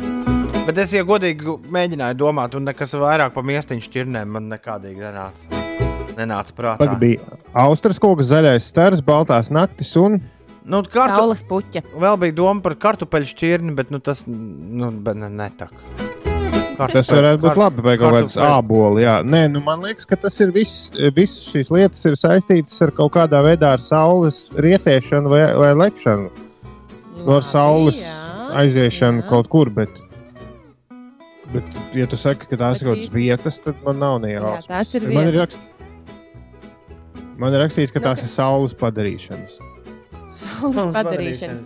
Eh, Šīs te četras ir akmens zīmes, kas ir novietotas Latvijas vis tālākajos geogrāfiskajos punktos. Ā. Saules puķi ir dienvidu punkts, baltās naktis ziemeļu, zaļais stars ir rietumu un austras koks ir austrumu. Nu, kurā novadā krapes reins dzīvo? Ko? Nu, kur Nu, lai iet ogres. Man ir ērgļu rakstīts. Un šoreiz punkts ir Uldim, jo tas ir ogres novads. Tom nu piedod. Man liekas, šis būs varan, āķīgs eh, jautājums. Nē, nu, vismaz ir reizes nedēļā, ka ir visiem pilnīgi skaidrs, ka nav ne gudrs, ne vēl gudrāks. Jā, viens te. Es pagājušajā reizē pat paķīķēju, kur tā krāpe atrodas, tāpēc zināju. Man arī bija doma, tā, ka mēs par to plāpājām piekdienu pastīties. Man bija, div, divas, Sacīts, man bija divas nedarīts. versijas, vai viņš ir uz ērgļu puses, vai viņš ir, uz, uh, vai viņš ir kaut kur pie skrīveriem, kas arī ir ogres novadā. Nu, tas abi uz to pusi jau sanāk. Nu, ir, jā. ir pu- pusi pareizā. Tā kā kraps Reinas cer, tu vismaz neesi. Neesi galīgi dusmīgs šorīt. Tēvs Kraukšs raksta, ka šī ir Toma geogrāfijas spīdzināšanas spēle. Nu, uz to pusi, uz to pusi. Es atzīšos, ka man mazliet patīk. Jā. Mēs tūdaļ, sazi mēs tūdaļ sazināsimies ar Jānu Ešpūru. Tomu testā tu dabūsi apakaļ par šo. Jānis Ešpūrs mums pievienosies pavisam, pavisam drīz. Paliec ar mums šeit Latvijas Radio 5, 5 LV, 5 rītī. Toms Grēviņš Doma laukumā, Ines Rūtīša dzīvoklī, Uldis Kaķīša dzīvoklī. Un mēs nu pat spēlējām geogrāfijas spēli, un, ja geogrāfijas spēlē būtu jautājums, kurā novadā atrodas Jānis Aišpurs šobrīd, es baidos, ka es uz šo jautājumu nevarētu atbildēt. Bet Jānis Aišpurs pats var atbildēt uz šo jautājumu, jo ar uh, grupas The Sound Poets uh, solistu un komponistu mēs esam sazvanījušies tieši šobrīd. Es esmu viņu pieslēdzis mūsu radiotiltam. Labrīt, Jāni! Labrīt, labrīt, Rādio 5. Nu, kur tu esi? Kur, kur, kur geogrāfiski tu atrodies? Kur tu izolējies? Es ge geogrāfiski es izolējos uh, kaut kur starp ķegumu un tomi, Daugaus kreisajā krastā, netālu no ķeguma Hesa pa straumi uz augšu. Tas nozīmē, ka krape arī ir kaut kur netālu, vai ne, Ulu un Ines? Nu, bišķi tuvāk Rīgai krāpī, jā. Bet... Nu, skaidrs. Ķeg... A, tu esi tajā krastā. Skaidrs. À, tajā krastā. Nu, Es jā, esmu, jā, es esmu kreisajā krastā, un piedodiet, Ulu, piedodiet, Ines, es kaut ko nespēju atbildēt uz jūsu jautājumu, es jūs dzirdu diezgan šoki. Es varu, pagrie... es varu mēģināt pagriezt viņus, viņus skaļāk, bet uh, ir ok. Mēs pirms nedēļas sazin... sazinājāmies ar, ar uh, diriģentu klišānu, un tad arī, tad arī bija. Jā, mēs, mēs katrs atrodamies geogrāfiski kaut kur citur. Šis ir, šis ir kosmos, tieši tāds pats kosmos, kā kāds, kāds notiek jebkurā normālā sapulcē. Bet tu, Jānis, šobrīd nodarbojies ar pilnīgu kosmosu. Es uh, saprotu, ka tu, tu mēģini pabeigt kora dziesmu, un katrs koris dzied dziesmu savā mājās. Nu, tā ir. Nu, īstenībā, kuras dziesmas notis eh, ir tapušas jau sen, bet uh, bija doma, kā pasaka, iz, nu, ir doma, joprojām viņa būs, kad eh, pavisam drīz tiks izdot šīs kordziesmas tā kā tāda alternatīvā versija, drusciņā, The Sound Poet. Poetiskā skanējumā, un šim nolūkam vajadzēja ierakstīt kori. Mums pirms sākās krīze, mums bija ieplānots ar kori marta beigās šo kori ierakstīt, bet nu, tad sākās izolācija un skaidrs, ka kori mēs neierakstīsim klasiskā veidā. Bet, nu, ko mēs taču uh, tāpēc jau neno, nenopērsim degunus. Es uh, sagatavoju instrukcijas, sagatavoju fonogrammas, aizsūtīju visiem, kas un kā jādara. Un tad cilvēki mājās ar saviem mobiliem telefoniem vienkārši katrs cītīgi ierakstīja savu partiju, un tad es pasēdēju četras dienas un, uh, un saliku to visu kopā par vienu īstu kori. Tu noteikti esi skaņu inženierijā ieguvis kaut kādas pilnīgi jaunas atziņas un jaunas zināšanas šito darot. Uh, es drīzāk es par savu pacietību un mentālo spēku iegūstu pāris jaunas atziņas.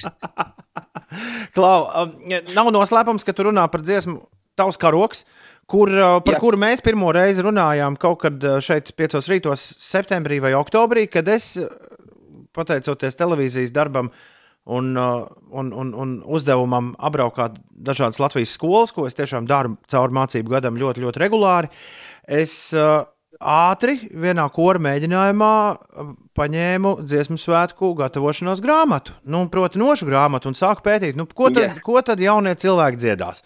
Aha, kalniem pāri atkal būs. Jā, re, kur ir tas? Re, kur ir ba- balējam, neguļam. Tā, nē, ja tur tas otrs roka okeāns. Oh, un ir jauns gabals un rakstīts aizpurs un kaupers. Un tik muzikāls, diemžēl, es neesmu, lai to, lai to dziesmu uzreiz no notīm varētu padungot, bet uh, nu, šo ziņu es atvedu Inesai un Uldim. Un, un loģiski, ka nākamreiz tiesa satiekot uh, Renāru, man bija jautājums, kad, kad būs šīs dziesmas uh, studijas versija. Un Renārs teica, ka droši vien ka kaut kad ap tiem nu, pašiem dziesmu svētkiem. Dziesmu svētki nu nebūs, bet studijas versiju mēs visi dabūsim.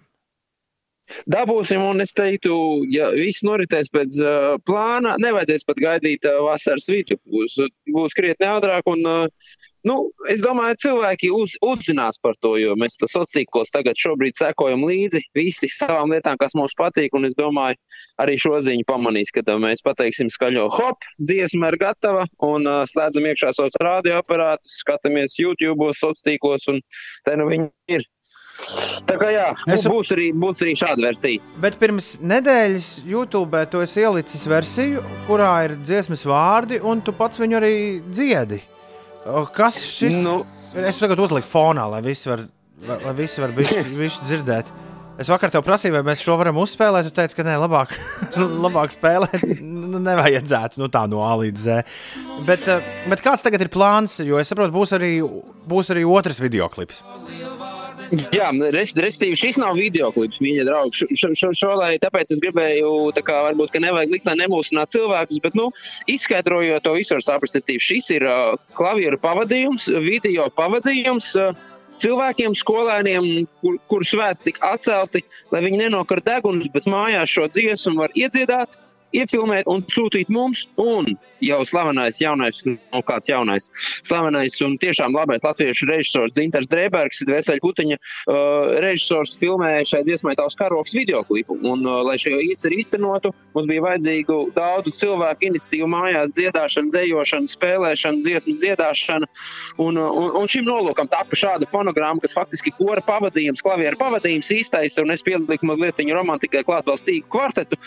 Un uh, pats iedziedāju, un lai, lai, lai ir cilvēkiem varbūt tās vieglāk dziedāt, ka šo dziesmu vispār nav dziedājuši, lai zina meldiņu, un, un tādam nolūkam tapa šis te, teiksim, tā, šī skaņdarba versija, ko jūs dzirdat, bet, nu, laikam jau arī šī versija strādā, jo man vairāk cilvēku sūta vēstules, cik smuka jaunā dziesma, saku, draugi, draugi, tie tā vēl, nu, tas ir tikai, kā saka, tāds blueprint, tā ir skicīte. Bet tu labi zini, Jā, tu iedod vēldam to mazo pirkstiņu, un viņš uzreiz prasa, dod man visu rogu, dod man visu rogu.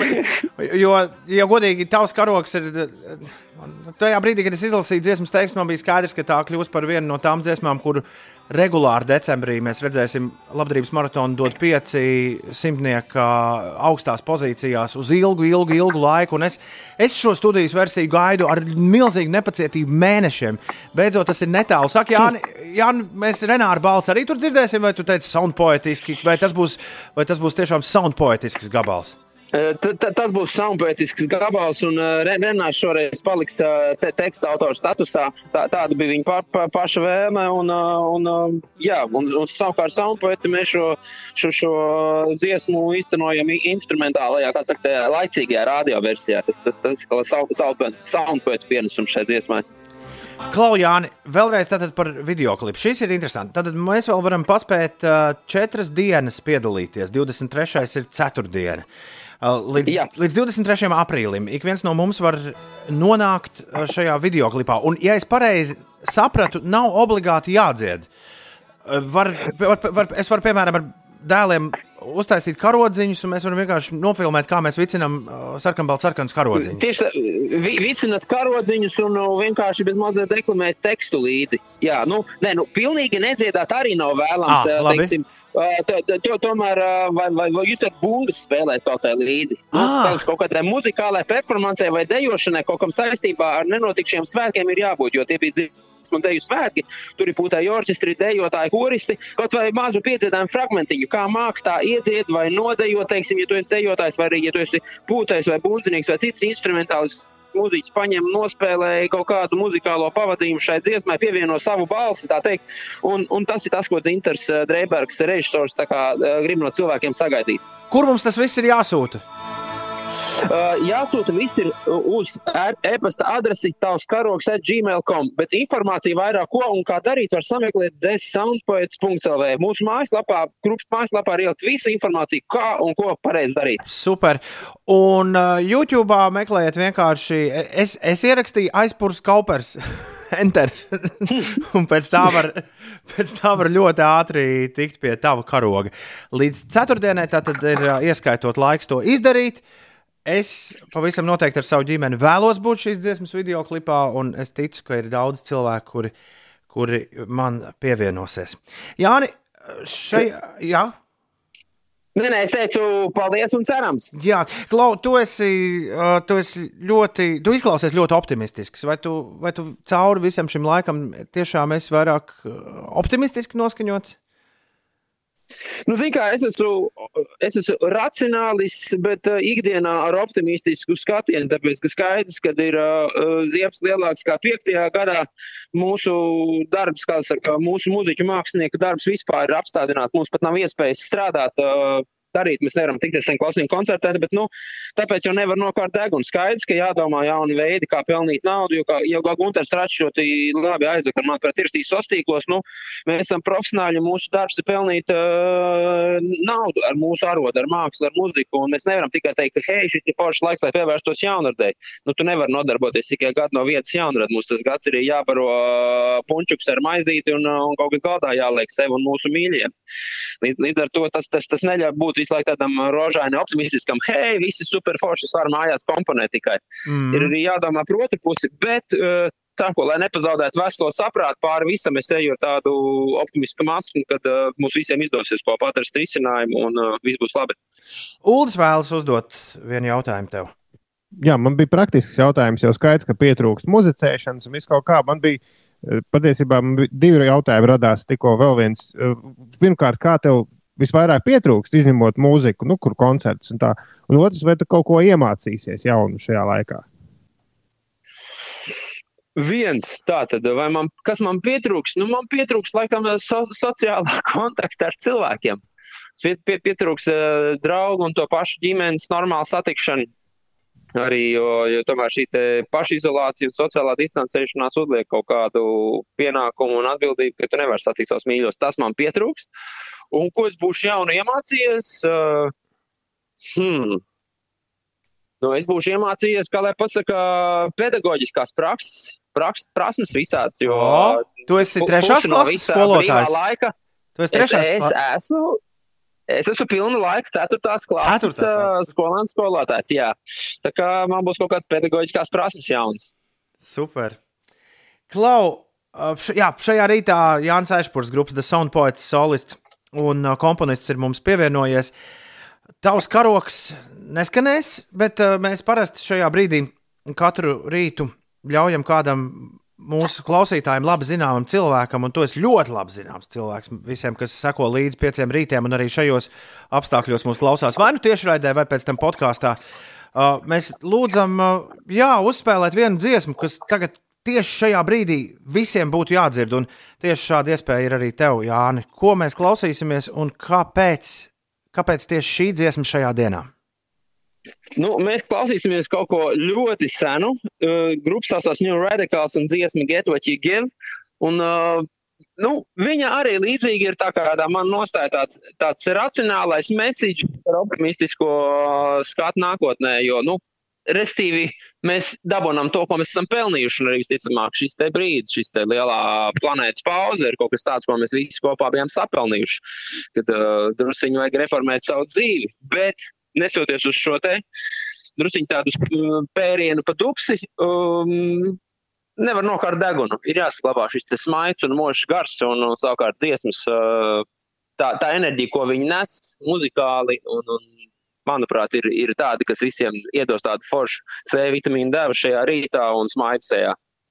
Courtney, Love, Marilyn Manson un vēl bija Tā Beckham. ir rinda, ko es es zinu. jā. Beckham, Hansen. Jā, nē, vienmēr ir forši ar tevi aprunāties arī, arī attālināti. Uh, Gaidām ar nepacietību fināla versiju, filmējamies uh, klipam, lai tev viss izdodas, sargi sevi un sev to, savus tuvākos. Jāni, paldies, ka piekriti ar mums papļāpāt. Paldies, jums arī. Čau! Paldies, Atā. Čau, čau. Atā! Izdariet to, ko es izdarīju, nu pat studijā. Pagriežam šo rīktīgi skaļi. Rīktīgi skaļi visi. Aiziet!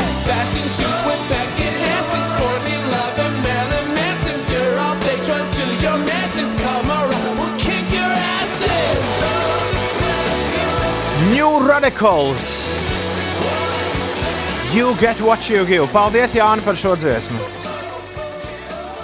Es re- sāku savu lielo profesionālo radio karjeru radiostacijā, kurā šī dziesma bija jāspēlē reizes trijās dienās. Un, šis ir viens no tiem meldiņiem, ar kuriem man ir nu, tādas īpašas attiecības. Bet es esmu tik ļoti noizolējies savā dzīvē no šīs dziesmas pēdējos gados, ka nu, parētam jau var. Man šķiet, ka šis bija īstais, ko paklausīties tieši šajā brīdī un šajā laikā. Kā naglai pa kurieni? Galvu. Kā naglai, kāda tai pats. Jā, kā krēslam pa kāju. Trāpīgi, Jāni. 8,25. Zinās, kas notiek?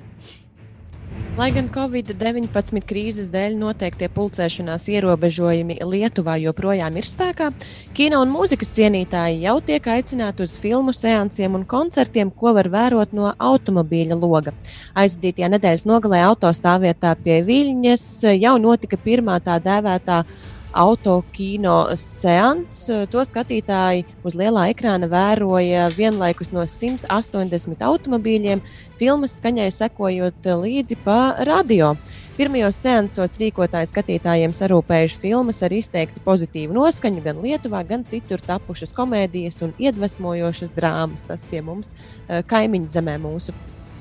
Bet uh, Latvijā šodien uh, līdz sākas elektronikas šķiratlons. Līdz 20. maijam 40 šķirošanas laukumos akcijas sabiedrība Latvijas zaļais punkts sadarbībā ar atkritumu pārstrādes operatoriem no visas Latvijas rīko akciju elektronikas šķiratlons. Tā kā ja ir mājās veci televizori, leduskapji, veļas mašīnas, dažni dažādi gludekļi, matu taisnotāji, kas darbojas ar elektrību vai baterijām un vairs nav vajadzīgi, tad tos var vest uz šiem 40 šķirošanas laukumiem. Un laukuma adreses var atrast Latvijas zaļā punkta mājaslapā. Ines, Jā, nu gan to ar savu, kas notiek trāpīgi, kā divādam pa mīkstumiem. vai dieniņās. Klau! Kā, kā spainim pa dibenu. Lau. Mēs laikam neesam runājuši par to, ka Kalnu kinofestivāls ir oficiāli apstiprinājis, ka notiks online. Jāņos.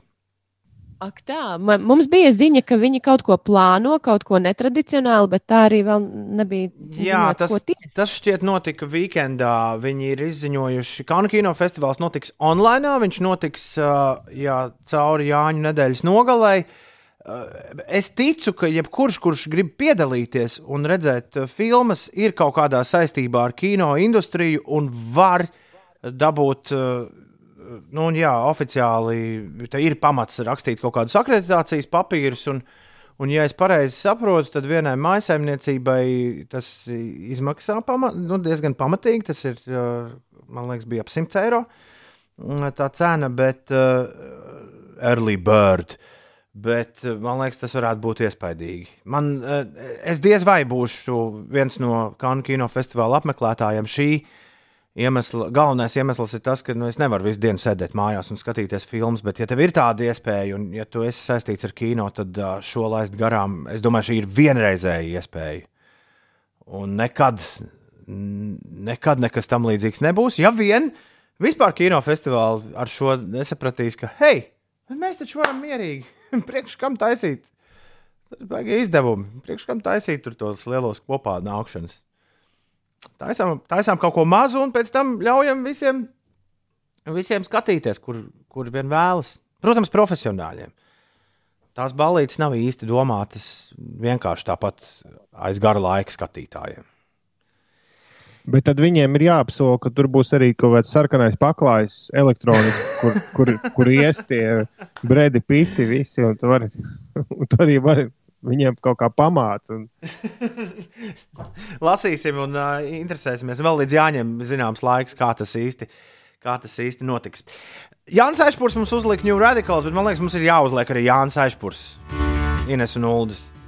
Ir tā, tā jādara. Obligāti. Jā, jā, jā. jā. Un Tāpēc, lai skan The Sound Poets un tavs stāsts, ir 28 pār 8. ir pirmdiena, 20. aprīlis šeit, Latvijas Rādio 5, 5 LV. Labrīt!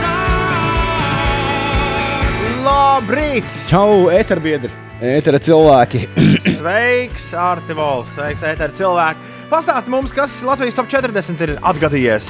Labrīt, labrīt, Inese, labrīt, Uldi, labrīt, arī Tom, labrīt, pieci rītī. Te Arts Volfs un Latvijas top 41. desmitnieks šonadēļ izskatās šādi. Latvijas top 40. Desmit. Uz leju par divām pozīcijām Saint John un Roses. Deviņi. Mīnus četras pozīcijas amināta ar nejauc man prātu. Astoņi. Plus četras pozīcijas Halsey ar You Should Be Sad. Septiņi. Uz leju par vienu pozīciju Harry Styles ar Adoria. Seši. Uz augšu par sešām vietām Joel Corey ar Lovely. Pieci. Četras pozīcijas Billie Eilish ar Everything I Wanted. Četri. Vieta saglabājas Lady Gaga ar Stupid Love. Trīs. Mīnus viena pozīcija Doja Cat ar Say So. Divi. Uz augšu par vienu pozīciju Dua Lipa ar Physical.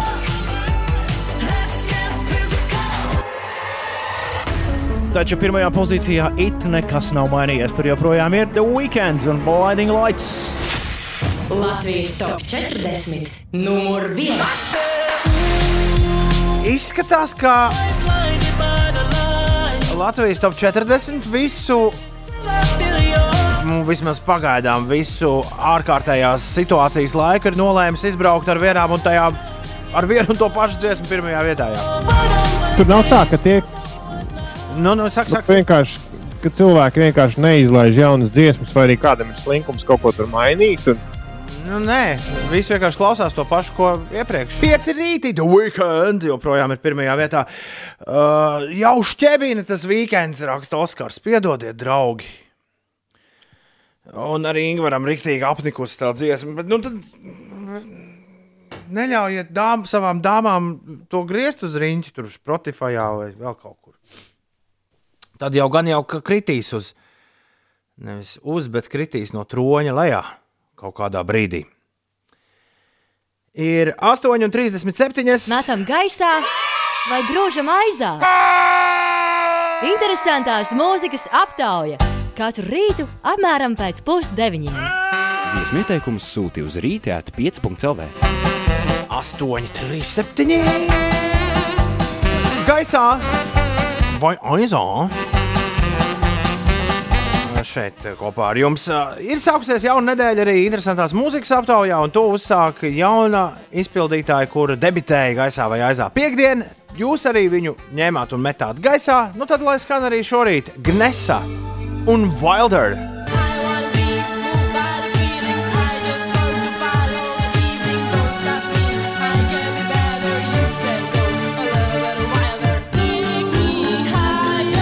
Ja es pareizi atceros, Inesē šī dziesma tīri labi gāja pie sirds. Šī man patika mazliet labāk nekā tā. Smells like teen spirit. Šis ir ļoti nu, tāds uh, ne līdzdziedamais gabals. Un es pieļauju, ka arī nākamais gabals tieši tāds arī ir. Uh, Dāmas un kungi, Latvijas popmūzikas klasika ir ieradusies gaisā vai aizā. Šad un tad uh, jau mēs klausāmies popmūzikas klasiku, bet šorīt atkal paklausīsimies. Uh, Dzintars ir, laikam, mēs dziņš varam nosaukt par dzīvi, mēs varam nosaukt par visaktīvāko gaisā vai aizā, tā teikt, uh, programmas sastādītāju šajā sezonā, Uldi. Jā, tā varētu būt. Dzīve ir kļuvusi par- mazliet par tādu jauno Vitāliju. Jā, neviena vieta, redz, nepaliek tukša. Viņš ir iesūtījis gabalu, par kuru viņš raksta latviešu aizmirstis 90. gadu klasiķis tehnomūzikā. Daniels Rebus un MC Šmits. Uh, Viņš laikam ir gribējis manis nav mājās, jā, bet nu, bet iesūtījis ir arī Zaķiem Rīga, kas arī ir ļoti spēcīgs. Es skaņdarbs. domāju, ņemam zaķiem Rīgu. Arī liekam, manis no mājās bija lielais, bija lielais šīs grāvējs. es zinu. Lieliski. Zaķem Rīgu, zaķem Rīgu, jā, jā, jā, jā. Zaķem Rīgu, zaķem Rīgu, Aiziet! Zaķem Rīgu, zaķem Gaisā vai aizā Daniels Rēbus un MC Šmits ir klāts. Zaki, zaki, garaušies, garaušies. Rīga, mana zaķu Rīga.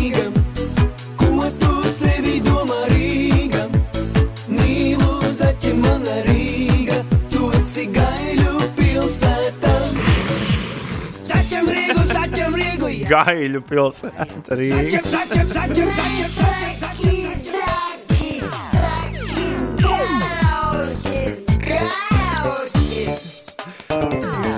Sapratīju, Ulu.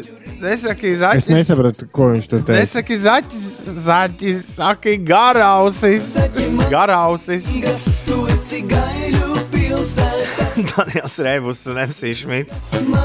Man šķiet, ka mani popmūzikas vēsture bija paglābusi no šīs dziesmas dzirdēšanas pirms šī rīta. Gribu teikt, ka tu nebiji dzirdējis šo. Nē, es nebiju šo dzirdējis.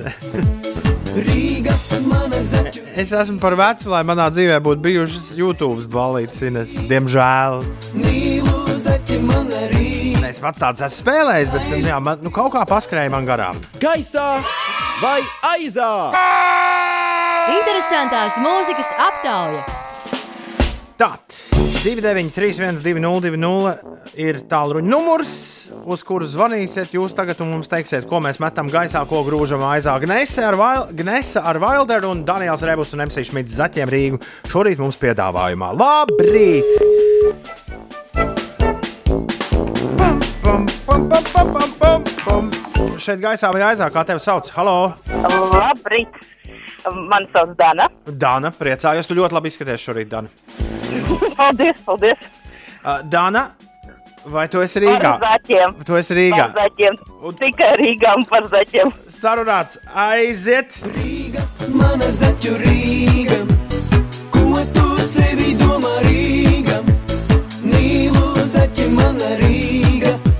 līdzi gaļu pilsētām. 9, 3, 1, 2, 0, 2, 0. Gaisā vai aizā. Zaķiem ir viens punkts, Gnesai arī būs punkts. Halo! Halo! Halo kas mums būs, zvana? Būs. Kas, kas zvana? Ingva, būs, Ingvars zvana. Labrīt. Tad, tad neizšķirto taisam, jā? Ja? Jā, neizšķirto. Aiziet, aiziet.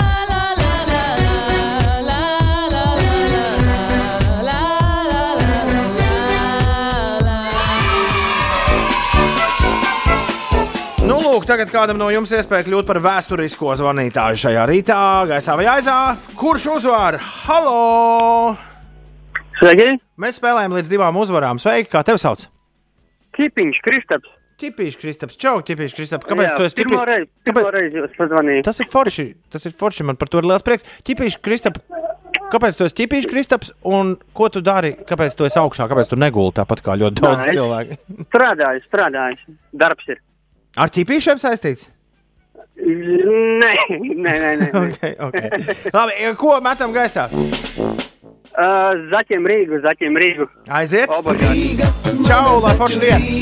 Jā, paldies jums arī. Rīga. Mīlu zaķi, mana Rīga. Tu esi gaiļu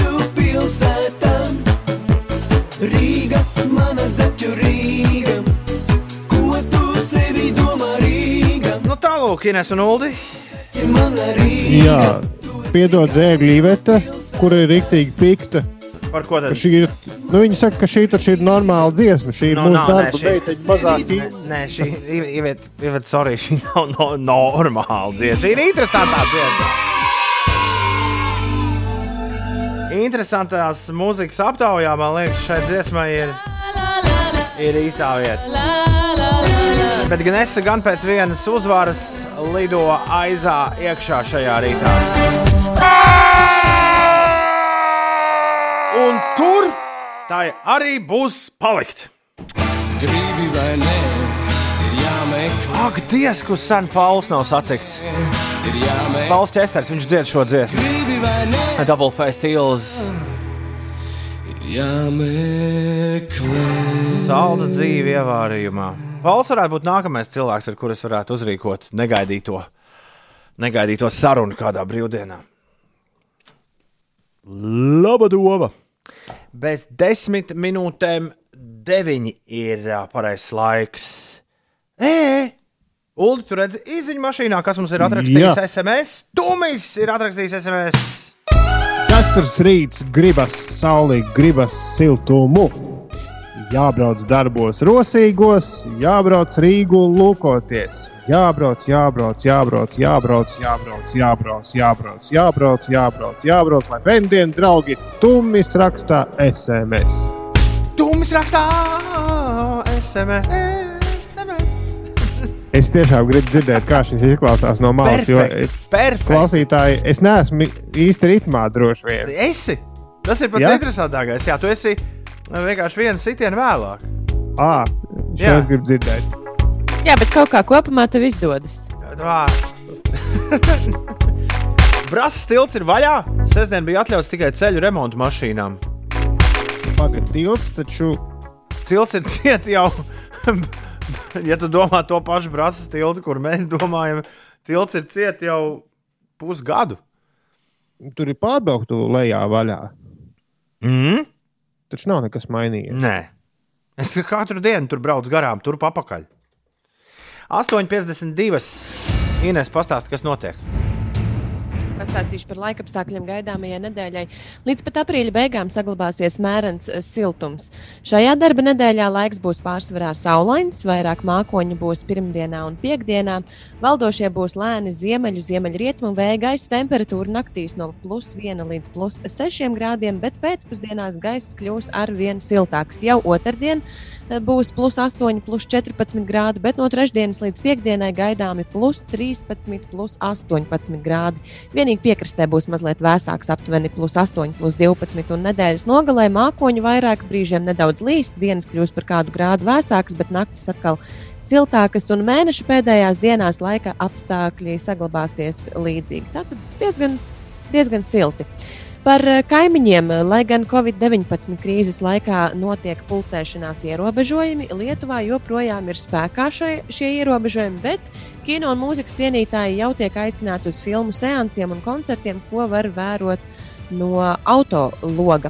Jā, pagājušajā nedēļas nogalē ir eh, bijusi filmu skatīšanās uz lielā ekrāna, ko vienlaikus skatījās 180 uh, automobīļos sēdoši skatītāji. Tiesa, katrā mašīnā tikai pa diviem uh, sēdētājiem. Un līdzīgs notikums ir bijis arī Vācijā. Tur ir bijis koncerts, kuru cilvēki ir skatījušies no auto. 8,53.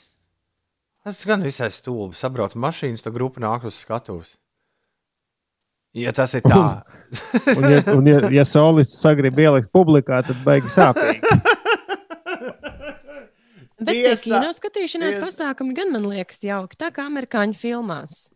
Jā. Un iedomājieties, un tad ir tie cilvēki, kas koncertos atnāk dziesmas vidū un izdomā, ka vajag ātri tikt uz pirmo rindu ar mašīnu. Tas Pie mums vienu vasaru bija uh, censoņi, kas bija. Tā kā es neesmu autovadītājs, tad man tas gāja secen, bet bija censoņi, kas bija drive-in uztaisījuši.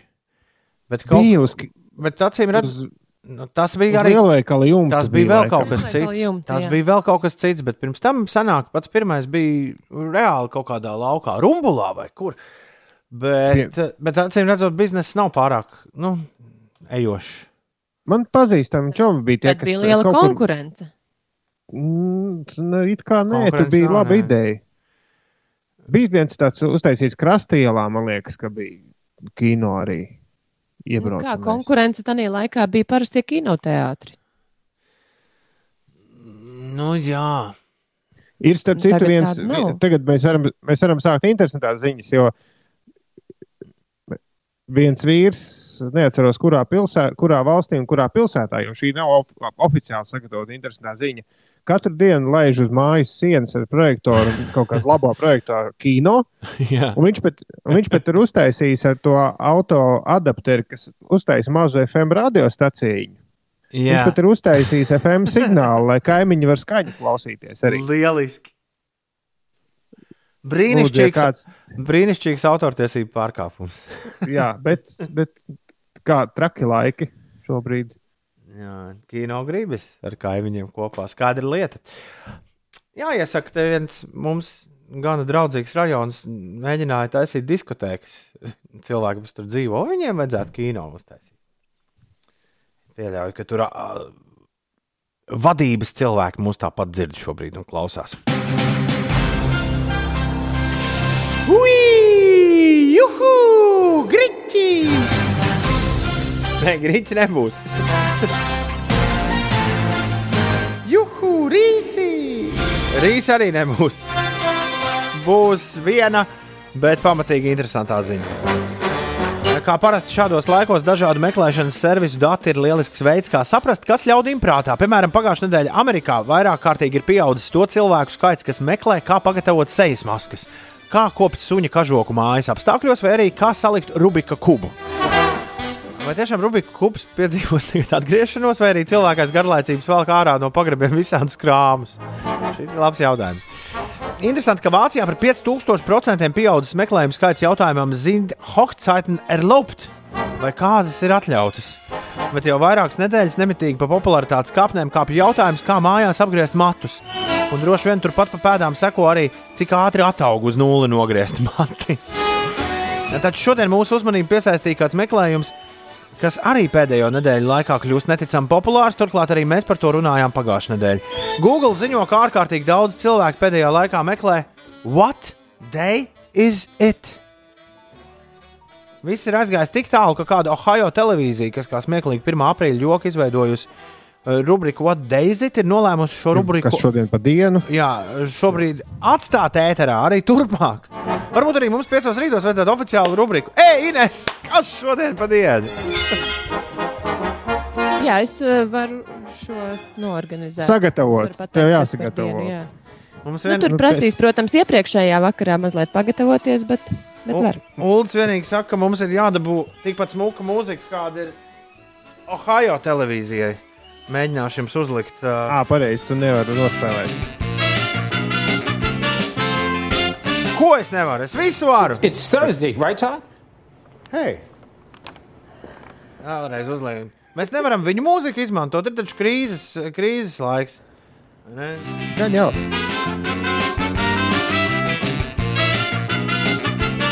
Aizņemsimies uz mazu laiku.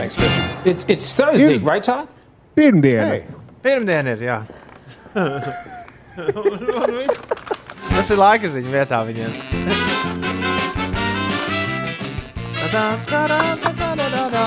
Okay, acting coaches are calling. Brīnišķīgi. Tas ir Jā. Fox 8, televi Fox 8 News televīzijā, Ohio. Oh. Tagad kāds varētu viņam ierakstīt, nu, aizsūtīt šo podkāstu, piemēram, podkāstu uh, ar noteikto minūtu, un mēs varbūt nonāktu Ohio televīzijā. Par godu tam, ka Vienīgais- mēs šo esam pieminējuši. Vienīgi viņi mūsu linku e-punkts uz podkāstu nemācētu izlasīt. Viņiem būtu EG, The EG, radio, viņi arī teikt, is- viņi arī teikt, ra radio show in Latvija called podcasts.